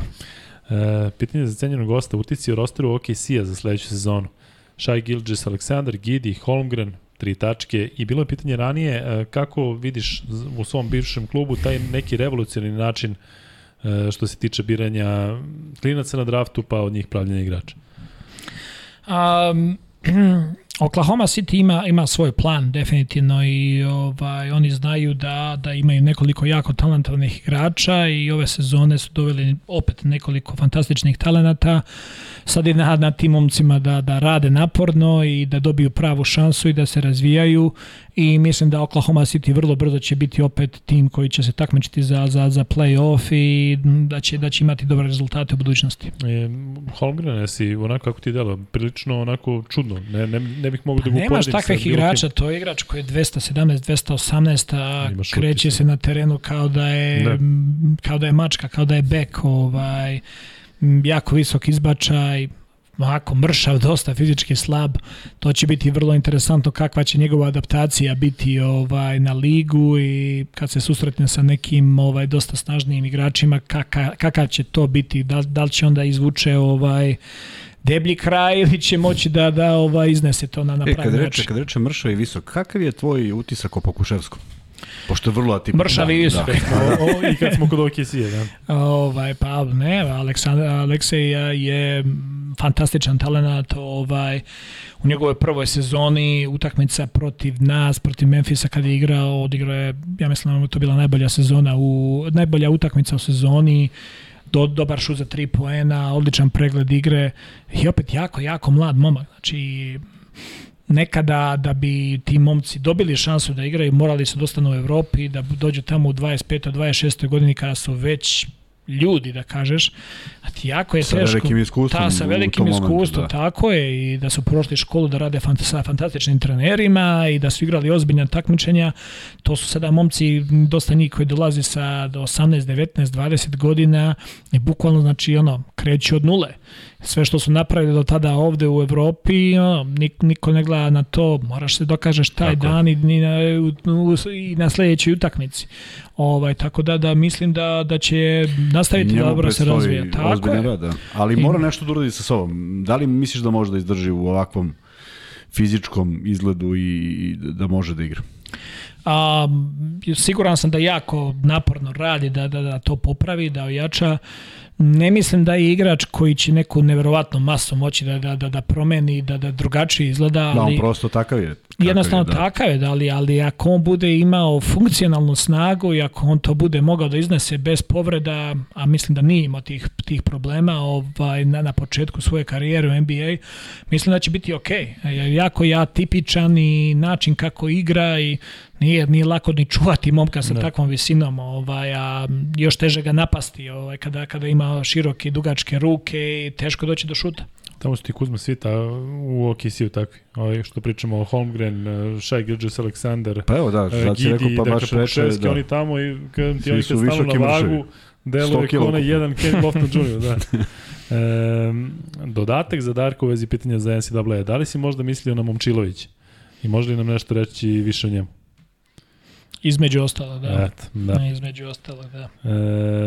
E, evo, pit, pit, priča ovde za playmakere, bit će Irija Milijašević, playmaker, novi Miloš Vujanić. Dobro, radujemo se. E, pitanje za Darka, kako vidi budućnost evropske košike? Da li misli da će evropska košaka u budućnosti sve više početi da liči na NBA? A, prva stvar koja treba se reši u evropskoj košarci je sukob između Euroligije i FIBE. Znači, mislim da u svo dužno poštovanje mislim da da Evropa nema dovoljno talenta da da podrži tri takmičenja Euroligu, Eurocup i, uh, i FIBA Champions League. Tako je. Ovaj mislim da da dva evropska takmičenja jako dobra ozbiljna takmičenja su ono što je adekvatno. Ovaj mislim da mislim da Evropi je potrebno, evropskim timama je potrebno da imaju nacionalna prvenstva, nacionalna takmičenja ja jednostavno ne mogu zamislim Real Barcelonu i Olimpijakos da ne igraju svoje lige, nekako mi to da. pre, pretvaranje u taj NBA sistem nekako mi neprirodno, ali možda sam možda je to samo moje mišljenje, možda tu ima veliku budućnost i potencijal, ne znam. Ali ovaj mislim da tu Euroliga polako postaje obavezno da timovi mora da putuju čarter letovima, mora su naprediti neke stvari, jer ne može da, ne mogu da se tretiraju igrači kao što je bilo pre 20 godina kada se igrala jedna utakmica ne, nedeljno, kada igraju sada tri ili četiri utakmice nedeljno. Ne, ovo je bilo u jednom trenutku, Bayern je odigrao zbog COVID, odigrao je tri utakmice u 5 dana. Da. Ne da. se pet. To ne ključni period. I to ne ključni period i svaka im čast kako su uopšte izašli iz tih Tako utakmica. je, ali to je, to je znači putovanja mora budu odlična, hoteli dobri da budu, ishrana tih igrača, oporavak. Oporavak je Op... najveći problem jer tako su oni mahom u putu. Tako je, tako je. Kuzma, pratiš li Eurobasket do 20 godina u Crnoj Gori? Pratio sam malo danas, gledao nekoliko utakmica. Si gledao Sloveniju? Nisam. Nisam. Gledao sam malo Crnu Goru. I kako protiv Turske. Pa ne znam šta bih ti rekao. E, meni je drago kad vidim nekog klinca, sin Bogavčev, Od... igra. Pa da, da, pa onda mi je drago kad se setim onog vremena ovaj, kada su roditelji igrali, ali ovaj, kako bih ti rekao, Crna Gora je, na primjer, E, to prvenstvo 2017. koje je organizovano baš u Podgorici i napravili su neviđen uspeh i bili su drugi, osvojili su srebrnu medalju, Srbija bila treća, pobedila ne znam koga, ali ja mislim da su Francuzi bili prvi. Međutim, epilog svega toga je ništa. Niko od tih igrača nije nije nastavio u nekom u, u svoju karijeru više od U18 pa ajde da kažeš i U20 znači nema nema tih seniorskih ugovora a ultimativno to mora bude jedini cilj I, I naravno je to lepa stvar za Crnu Goru i kažu te godine, ali ko se toga seti kao tako? Valjda bi se neko setio, pa ej, taj je igrao na tom prvenstvu. To je nešto što treba da se pravi, ja mislim da mislim da kako smo mi smanjili tržište sami sebi i Srbija sebi i Crna Gora naročito koja ima izuzetno malo tržište, da je jako teško da ti sada tu budućnost koja igra Evrokup ubaciš četiri mlada igrača. Ne zaboravi, ne toliko davno je budućnost imala plejadu mladih igrača koji su ulazili iz, iz, iz juguniorskog pogona, sad je sve to jako teško i e, neverovatan broj crnogorskih igrača odlazi u Ameriku, u Italiju, da. ovamo, namo i šteta jer, jer ne razvijaju se u pravom smeru. E, pitaju ljudi ovde za pitanja i za kviz, da, jako ćemo brzo doći do toga, samo još da malo ispitamo Darka sve ovo što ga pitate, opet nećemo moći sve. Darko, kratko mišljenje o Devinu Bukeru. Uh, Devin Booker je pa možda i najbolji skorer u ligi. On je ovaj to je to je mašina, ovaj on jako dobro igra bez lopte, jako dobro igra u pick and rollu sa loptom. Um, fantastičan takmičarac kao lider, nije mnogo vokalan, nije da je da, da nešto izlazi pred tim i tako dalje, međutim način kako radi, način kako igra postavlja visoke standarde za, za, za svoje saigrače i ovaj, drago mi je da, da poslednje dve, tri sezone njegova karijera i na tim da, da stvarno dolaze do nekih novih uh, granica i ovaj, fantastičan je momak. E, delo mi da je baš on, kada govorimo o sazrevanju, da baš se kod njega vidi kako je sazreo u odnosu na pet godina, kada je bio malo onako i pojavljili su se neki snimci i sve i svašta, sad mi delo da je baš onako fokusiran na košaku i da baš idu u dobrom pravcu. A ono što je mene oduševilo, e, onako i on deluje onako malo bahato na terenu. E, ne znam da li si ti bio e, tada, da li je to možda bilo u Bablu, da li je ta bila sezona kada si ti bio u Phoenixu, kada su članovi porodice najavljivali e, evo, i kada sam video i kako se i za sestru bori, sestre koja, koja ima problem i koliko me to oduševilo i koliko je on ponosan u stvari na to da može da, da, da, da nju na taj način ovaj, da obraduje, zaista onako neka, neki poseban, poseban moment. E, Darko, isto imamo jedno zanimljivo pitanje. E, da li imaš osjećaj kada putuješ iz grada u grad tokom sezona da u jednom trenutku ne znaš u kom si gradu? Pa naravno. Znači, pre ulaska u sobu obavezno fotografišem broj sobe, pa nema, nemaš drugačije zapamtiš. Da, bukvalno, ovaj, da, bukvalno, ako izađeš na trening i negde da, da večeraš, ne, o, svaki, svaki dan novi hotel, drugi grad, ovaj, ali borim se. Borim Kako je, se, svi imaju svoje avione, ništa tu nema... Da. A, nisu, svako ima svoj čarter, ali to nisu u privatnom vlasništvu. Ja mislim da samo dva tima, Aha. mislim da Lakersi i da Dallas imaju svoj avion, a svi ostali iznajmljuju, iznajmljuju čarter da. preko Delta, da. E, Luka piti Darka, da li upoznao Željka i šta misli o njemu? Misli vjerojatno na Željka Obradović. Možda Željka Joksimović, ja? Ko zna kog Željka? ne vrem da je na Obradović. Da, da. da li si imao neke kontakte sa Obradovićem? Naravno, naravno, naravno. Ovaj, um, Željko je moj i mentor i dobar prijatelj i osoba s kojom se i često čujem i uvek kada sam ovaj, u Srbiji imao priliku da se družimo, da se vidimo, I stvarno uvek pratim njegove timove i učim od njega, stvarno ovaj, imamo jako dobar odnos, moj čačani. Da. E, ko je najorgantniji igrač kog si trenirao? Najorgantniji? Da, da li se neko izdvaja? Možda neko je završio karijeru i više nije na mapi, pa da, da možda kažeš. Ili možeš nekog iz Čačka? Pa je znači gledati, ono je klinaca u zvezdi. Pa ne, ne znam stvarno. Sledeće pitanje. Dobro. E, opet pitanje za Vojnarovskog i opet pitanja za Džalila Okafora. Ne znam što su se uhvatili za Džalila. Jesi ti imao neki kontakt sa njim pa pitaju? Ne. E, opet za Kenija Loftona e, i tako krug. E, Pročitaj svako pitanje koje su ponovili, molim. da, i ovde imamo neke pitanje koje ne možemo da, da, da postavimo. E, mene podsjećaju da je Andrew došao u Andrew Andrews u Panatiniku, znaš da sam rekao da neće imati u Euroligi sezonu kakvu ima u Eurokupu, da je nerealno da očekujemo da Andrew da. Andrewsa u bursi i sad ovde pišu kako neki pišu, pišu kako hoće, neki kako neće i dobro. E, hvala na odgovorima, podcast je stan. Zaista je redko da imamo priliku da u letnjoj pauzi imamo ovakav sadržaj. Tandem Bulka i Kuzma je prava kombinacija znanja, iskustva i nepristrasnosti. To moj sin. Hvala. Nije, Marko Novak. Da. E, pitanje za Darka, mišljenje o Luki Garci. Kako ga tamo zovu? Kako je njegov... Luka Garza. Garza. Da. Dobro. Ovaj, posle fantastične karijere ovaj, u NCAA-u, um, dolaskom njegovim u NBA, onako prvu sezonu niti je igrao mnogo, da. mi smo njegovo telo, moraće napraviti veliku transformaciju svog tela da da ubrza, da da nauči ovaj kako uglove, odbrane, šta igra, koja je njegova pozicija, da li je on četvorka, da li je trojka, da li je petica, tu ima dosta nekih upitnika još uvek, ali ono što što znam da da je iskoristio ova van sezonu da da stvarno pokuša da napravi velike pomake u svemu tome i mislim, mislim da će biti dobar. Kod njega baš delo da je ta, baš je vidljivo ta razlika među NCAA i NBA, da taj yes. period kod njega baš nije, yes. Yes. nije najbolje prošao. E, pitanje za cenjenog gosta koji igrač iz Evrolige koji bi volao da vidi u Memphisu?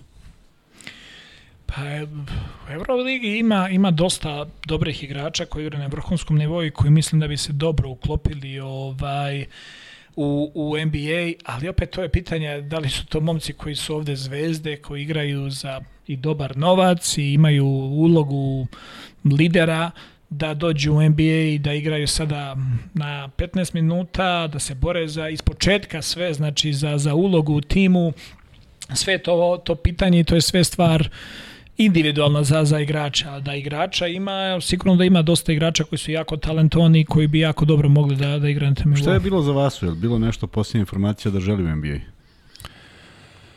Da, bila je da želi, ali je bila i da postoje ipak neki njegovi zahtevi da pa to, ima da, bitnu ulogu u da, timu da, i da kaže Darko, mi da. neki drugi pa da, ali nije, da... nije to samo Vasin slučaj je onako malo i atipičan, jer on nije slobodan agent da može da, bilo da, koga da. potpiše, već Oklahoma City jasne, ima jasne. njegova prava, da, da. pa sa šta oni traže, zauzvrat tako dalje. Ako se ne poklapa da, sa onima što im treba ili imaju dva, tri već igrača koje razvijaju, onda to jest, sve...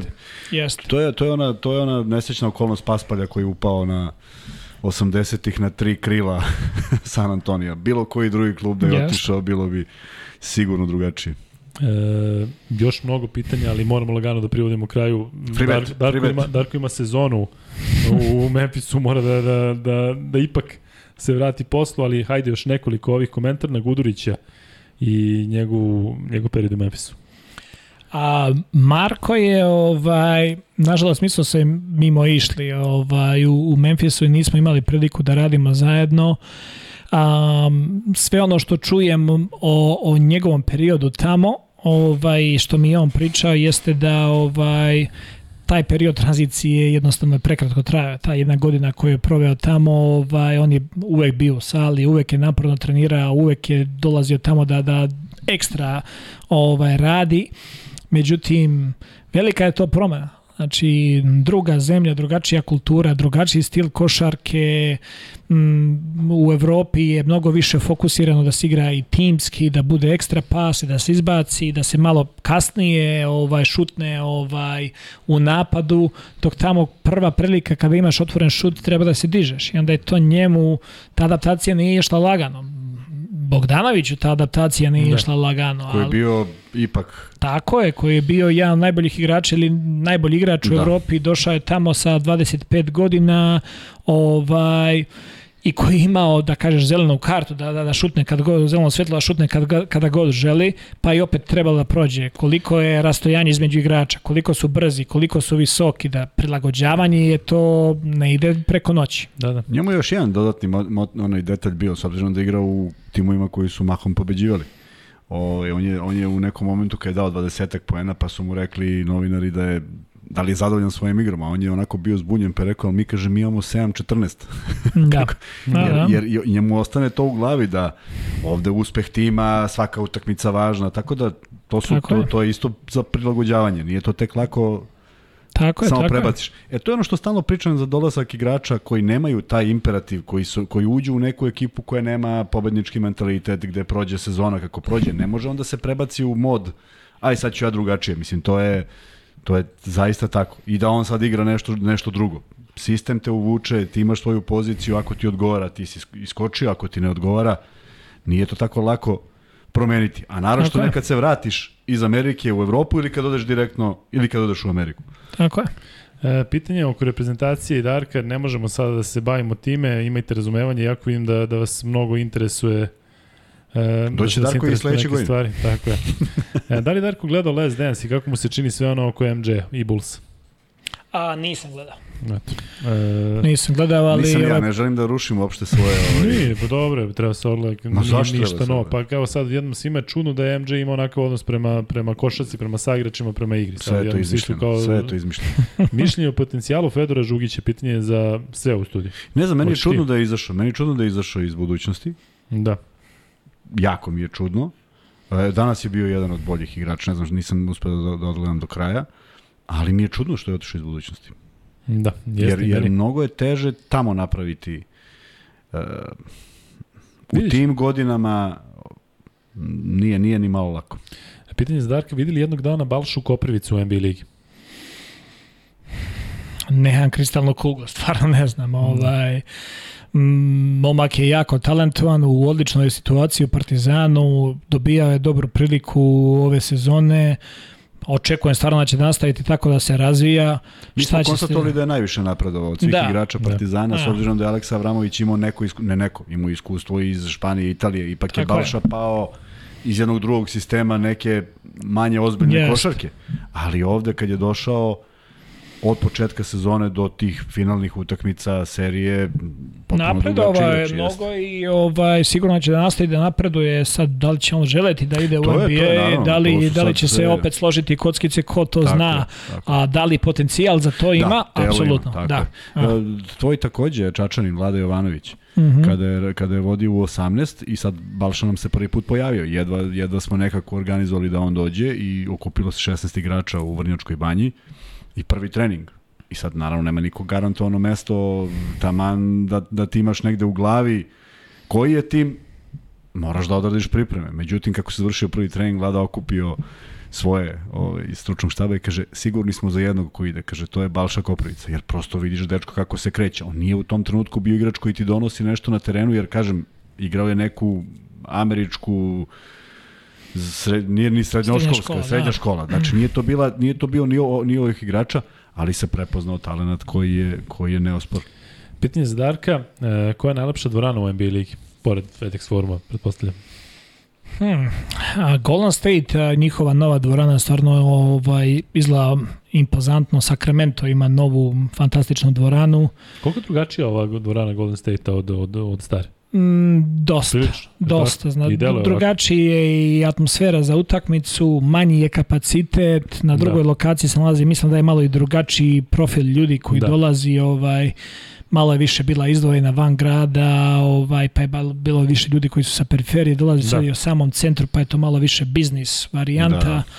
Ovaj, Sve to ima svoje. Jeste, ali definitivno hala u kojoj mi je najdraže da igram je Madison Square Garden. Da, to svima. To je, Da, to je definitivno. E, Luka piti Kuzmu, kad je emisija u Euroligi sa Marinom? U 8.20. 5. U 8.20. Čekaj, 8.20. 20 ili 8.25? Ja sam tražio da bude 8.24 E. i izašli su mi u susret. Postavljamo prvo pitanje, dakle, koji je klub, u kom klubu je Darko Rajaković počeo svoju trenersku karijeru? Možete da odgovarate sada. E, mišljenje o Megi, Darko. Da li su oni za NBA najzanimljivija ekipa u Evropi? Pa verujem da jesu, ovaj, jer oni su uh, pronašli formulu da, da skupe mlade, talentovane momke, da im daju šansu da igraju u dobrom takmičenju, koji je Jadranska liga i ovaj i stil igre koji koji potenciraju oni definitivno spremaju te momke za taj put i niko ne može da ospori da oni imaju 15 igrača koji su draftovani i da je to najviše od jednog tima u Evropi ovaj, i da je to se Da, dešava u da, kra, da. vr- vrlo kratkom ovaj nekom vremenskom razdoblju. Tako da ovaj sigurno su najzanimljiviji tim i znam da mnogo skauta, mnogo timova prati njihov rad i da pla, prate razvoj tih mladih momaka. Ivan Lazarević je odgovorio prvi, dakle znate kakav je kakva je kombinacija, šaljete na Luka i Kuzma ID i mislim da već svi Na znate. Instagram Luka Tako, je, Kuzma. na Instagram Luka i Kuzma. A onda E, ja sve, a ti spavaš za to Ti vreme. sve pa normalno. A ja celu noć viš da moram. pričam sve. Celu noć da, copy-paste. Da, da. E, par reči o Marinu Sedlačeku. Čuo sam da je veoma poštovani u NBA i među trenerima i skautima. Već smo pričali o Marinu i dalje tako, tako. Znaju ga svi. Naravno, naravno. Njegov rad kroz eh, Nike, Nike kampove, ovaj, njegov rad kao, kao skauta koji je dosta igrača iz Evrope, ovaj, m, predložio i doveo u NBA, jako, jako poštovan i cenjen. Da čini mi se da ima mno, dosta onih za koje se ni ne zna da je on uticao na njihov, na njihov put i igrački i trenerski. E, I zaista zadovoljstvo je slušati ga i kada priča i e, drago mi, drago mi je što je sada deo Sport Club familije. Da, Mane pa, Sedlačnik, da. E, 10-2 jet lag je i dalje prisutan kod gosta. Kaže, kaže Još sam Marko pio ovaj ultru ovde, tako, tako ovde da to pomaže. Tako je. E, idemo, e, Ivan Lazarević kaže da, da, znamo sve oko kombinacije, ali moramo da kažemo kako je proces za ID slanje. Hoćeš ti da postaviš drugo pitanje? Ja sam teo to što si ti postavio. Je, baš, baš si to htio. Ne mogu sada. Viš kako Ajde sada funkcioniš. Vanja, aj neko drugo. Nema Vanja, nema Do, koji je mikrofon, prvi da. klub? Koji je prvi klub, prvi NBA klub u kojem je bio naš gost? Dakle, Čekaj, ali- ne, ne gde je potpisao ugovor, nego gde je prvi put otišao na usavršavanje. Dobro. Čak je bilo tih odgovora i sad. Dakle, čuli ste, gde je prvi put e, Darko otišao u NBA ligu na usavršavanje? Pričali smo o tome na početku, na početku podcasta. E, umeđu vremenu, Darko, pošto privodimo kraju, kako ti je bilo ovde kod nas? Imaš pitanje, pa ćemo pitati. Super, ovaj, super, malo me hvata jet lag, ovaj, i, ja gledam telefon, već je otprilike 6, ovaj, 7 Jest. ujutru, ovaj, tačno i, i više ovaj, u Las Vegasu, ali super, baš mi je, baš mi je prijelo. Hvala vam što ste me pozvali da se družimo. Nismo još na, na kraju, ovaj, pa ćemo da se, da se opraštamo i imamo da postavimo, dakle da, evo ga, San Antonio, Lala je odgovorio. Lalo, Lale, Lalo, da, Lala. a, čekaj da imamo, ali Tomislav Milutinović isto odgovori, ne znam sada Tomislav prvi? Milutinović i gore, misleći na ono, na ono prvo, ali Lala je, uh, Lala šalje na, na, na ID na Luka i Kuzma. E, Teško ti je zapamtiš taj nalog naš. Za Darka pitanje je da li je upoznao Denisa Rodmana? Ne, I kakav je privatno ako ga je upoznao? Nije ga upoznao nisam. tako da... No, dobar je Ne privat. znam kako ljudi dođu do ovakvih... Do ovakvih Pa znaš, dobro, gde- misle NBA, pa uvežu, tu da. su svi. Ali Da, kaže da zaista, iz Las zaista, pa e, zaista vidi, jednom prilikom nikad nisam razmišljao o tome, ti si malo priznao jedan broj. Kad sam sa Igorom pričao i pitao, bilo je mnogo manje ljudi u stručnom štabu. I on kaže, vidi, ali kaže, 30 trenera je tamo. I 30 ili 100 još čeka posao. I nas je 3 puta 30-90. I ti kad sve sabereš, kaže, mi smo okrenuti, naš, nas 500 je okrenuto, što se trenerskog e, stafa tiče, jedni drugima, u nekim razmenama kaseta, u ovome, onome, u ono vreme. Ali zaista je to mali broj. Jeste. Na broj ljudi koji se bavi košarkom i sve to. Koliko je u stvari malo mesta u NBA. Sad je nikad više, jer, je, jer su prošireni stručni štabovi. U ono vreme stvarno je bilo po trojica i jeste. glavni trener. Hoćeš da postaviš treće pitanje ili opet ja nešto da... Opet ti. Opet ja. Umeđu vremenu uh, je stiglo... Uh, ko, je, ko je najdominantniji igrač kojeg je gledao uživo? To je pitanje. Da. To je Mislim, pitanje za... Ne, ne, to je pitanje za Darka. Ne pravi pometnju. Pa, to je to je teško pitanje, ovaj dosta igrača u različitom smislu. Kevin Durant je toliko dominantan u onome što on radi, Steph Curry je neohvatljiv, Da. znači treba te lasa da uhvatiš njega na terenu. Ovaj fantastičnih tu igrača ima, ali eto, aj, ako bih rekao neki igrači, tu dvojicu verovatno. E, Imam pitanje. Imam Ajde, pitanje. za treće, Za, za treće, da. Uz veliko hvala za tortu, kada je Kuzmi rođendan? Kada je Kuzmi rođen? Ajde. Sada će da stigne. E, Darko, mi ovde često se podsjećamo onih koje, kojih više nema sa, sa nama, um, ali s obzirom na to da je danas uh, gro emisije o uh, NBA ligi, kada se desilo to u januaru 2020. sa Kobijem, kakva je bila atmosfera u NBA ligi? To delovalo je da je nepodnošljivo i da ne može da se igra. Kako je to ostiti baš, baš u, u Duranama? Pa bio je ovaj bio je jako, jako, težak ovaj trenutak za sve, za sve nas. Mi smo ga i svi voleli i poštovali kao igrača i njegovo lik i delo. Ovaj, neću da lažem, ovaj, plakao sam i ja i cijel naš tim i ovaj, onako baš nas je to izbacilo ovaj, iz koloseka. To je bio strašno veliki udarac ovaj, za, za celu ligu i Ja sam tada bio sa Phoenixom i sećam se da smo igrali, trebali da igramo utakmicu sa, sa Memphisom baš to veče. I ovaj, da je to bilo, onda mi smo razgovarali i sa, sa Memphisom. Da Šta da se radi? Da? da li da igramo, da li da izlazimo na teren, znači jer su ih, ono, na kraj kraja mi smo ono, pa kao tu sediš sa strane, nešto je ono, a ovo šalješ momke da. koji, su, koji su na terenu i da li će neko se povrediti, jer vidiš da su svi odsutni, svi su bili ovaj, u velikom šoku. Ovaj, tako da da je bilo, bilo jako ovaj, težak trenutak. Matija Ivanović je odgovorio prvi 31. jula, a slušaj dalje odgovore. 14. 30.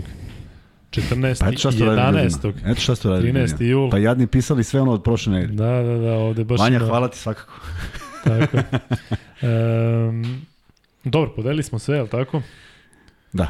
Da, i uh, Darko, uh, sada, evo, stižu pitanja i dalje, ali moramo da, da završamo moramo da spavamo. Dva i po sata da trajamo. E, da. Dva i po, jest. Darko, hvala ti puno. Šta da ti kažem, zaista je bilo lepo. Hvala vama. Prošli smo e, i celu tvoju karijeru i zaista bilo je zadovoljstvo pričati o, o, o svemu, dakle, od borca preko Španije. Ja sam zaboravio na taj deo da te pitam oko Španijela, znam da si tamo bio dugo i da je bio jako bitan baš kao što si rekao u tom nekom uh, periodu tranzicije i ovde ti svi žele uh, nastavak, uh, lep nastavak karijere, što naravno želimo i mi i mislim da si uh, ti uticao na to da u Srbiji uh, veliki broj ljudi navija, navija za Memphis. Hvala vam puno, hvala vam na gostoprinstvu i malo si mi izbacio sa ovim da, da, da na kraju da se uvek prisjetite nekoga ko više nije sa nama. Ne, ne znam zašto, kako si to pomenuo, odmah mi je Aca Petrović ovaj, pao na pamet. Ovaj, fantastičan i čovek i prijatelj, da. ovaj, da. eto samo da podelim to sa vama, znači i sećanje Koji njega. jako brzo u bolesti otišao. Jeste. Pa da, ali nešto, mislim, pričali su da se, da se neko vreme mučio. Da, nije pa mučio se, znaš zašto se mučio? Zašto je bolest od umiranja nerava. Da, I onda da je... se polako gasiš i majka Igora Kokoško imala isto to i samo se samo je prestala diše pošto sve prestane, samo stanu mišići. Znam da je bilo Mislim, priče da je bio po nekim alternativnim varijantama sve da se proba sve i da je bio da, pozitivan da, čak da, i do, ne, do, do kraja, ali... ali... Eto, to je. Ja samo da kažem, ja si, mislim sad je malo upala ova tema, ali da ti se zahvalim puno što si došao, da a, ako ima nešto nismo pitali, a verovatno ima, uh, Ja molim gledalce da nam pošalju, mi svaku, ja zaista registrujem svaku tu poruku, pa ćemo u nekom momentu da pustimo Darku poruku pa ćemo dobiti... Šta će sad uradi? Sad će da pošaljem Ne, pa ne, ne, nećemo pitanja, gluposti, da. nećemo sad, znaš, da pišemo baš sve, ali hoću da kažem, ako smo nešto izostavili, jer smo se stvarno trudili da, da nešto saznamo iznutra. Ovde mi je bio Nikola Vučić koji nam je pričao NBA o stvarima koje možemo samo da nagađamo i ti si eto drugi čovek koji sad potpuno sada iza klupe da. priča o nekim stvarima koje su jako, jako ovaj, e, lepe i, i osetiš se, znaš, osetiš deo te neke atmosfere o kojoj mi stvarno možemo samo da nagađamo, a mali broj ljudi kao što si ti zna. E, Darko, hvala još jednom. Dakle, toliko za 48. podcast. Vidimo se u ponedeljak. Ko je 49? Ne, čet, četvrtak. Potražiš ko je 49? E, u četvrtak hoćemo da najavljamo nešto sada ili, ili nećemo još? A, sutra puštam poruku, ali se nadam da ćemo imati gosta. Da, Ako potvrdu. ga budemo imali, to ćemo znati već sutra. Svakako najava ide u četvrtak, da se malo svi da, da, da razmišljaju ko je. Darko, veliko hvala. Hvala I... vama. Bićemo u kontaktu. Dogovoreno. Tako, mi pravimo pripreme dakle, za evropsko prvenstvo kada ćemo po svemu sudeći imati neke specijale. Naravno, svi se zagramo za ono što nas čeka u septembru, a do ponedeljka toliko nas pa se... A, do četvrtka. Ti dođe u ponedeljak. Do četvrtka, da.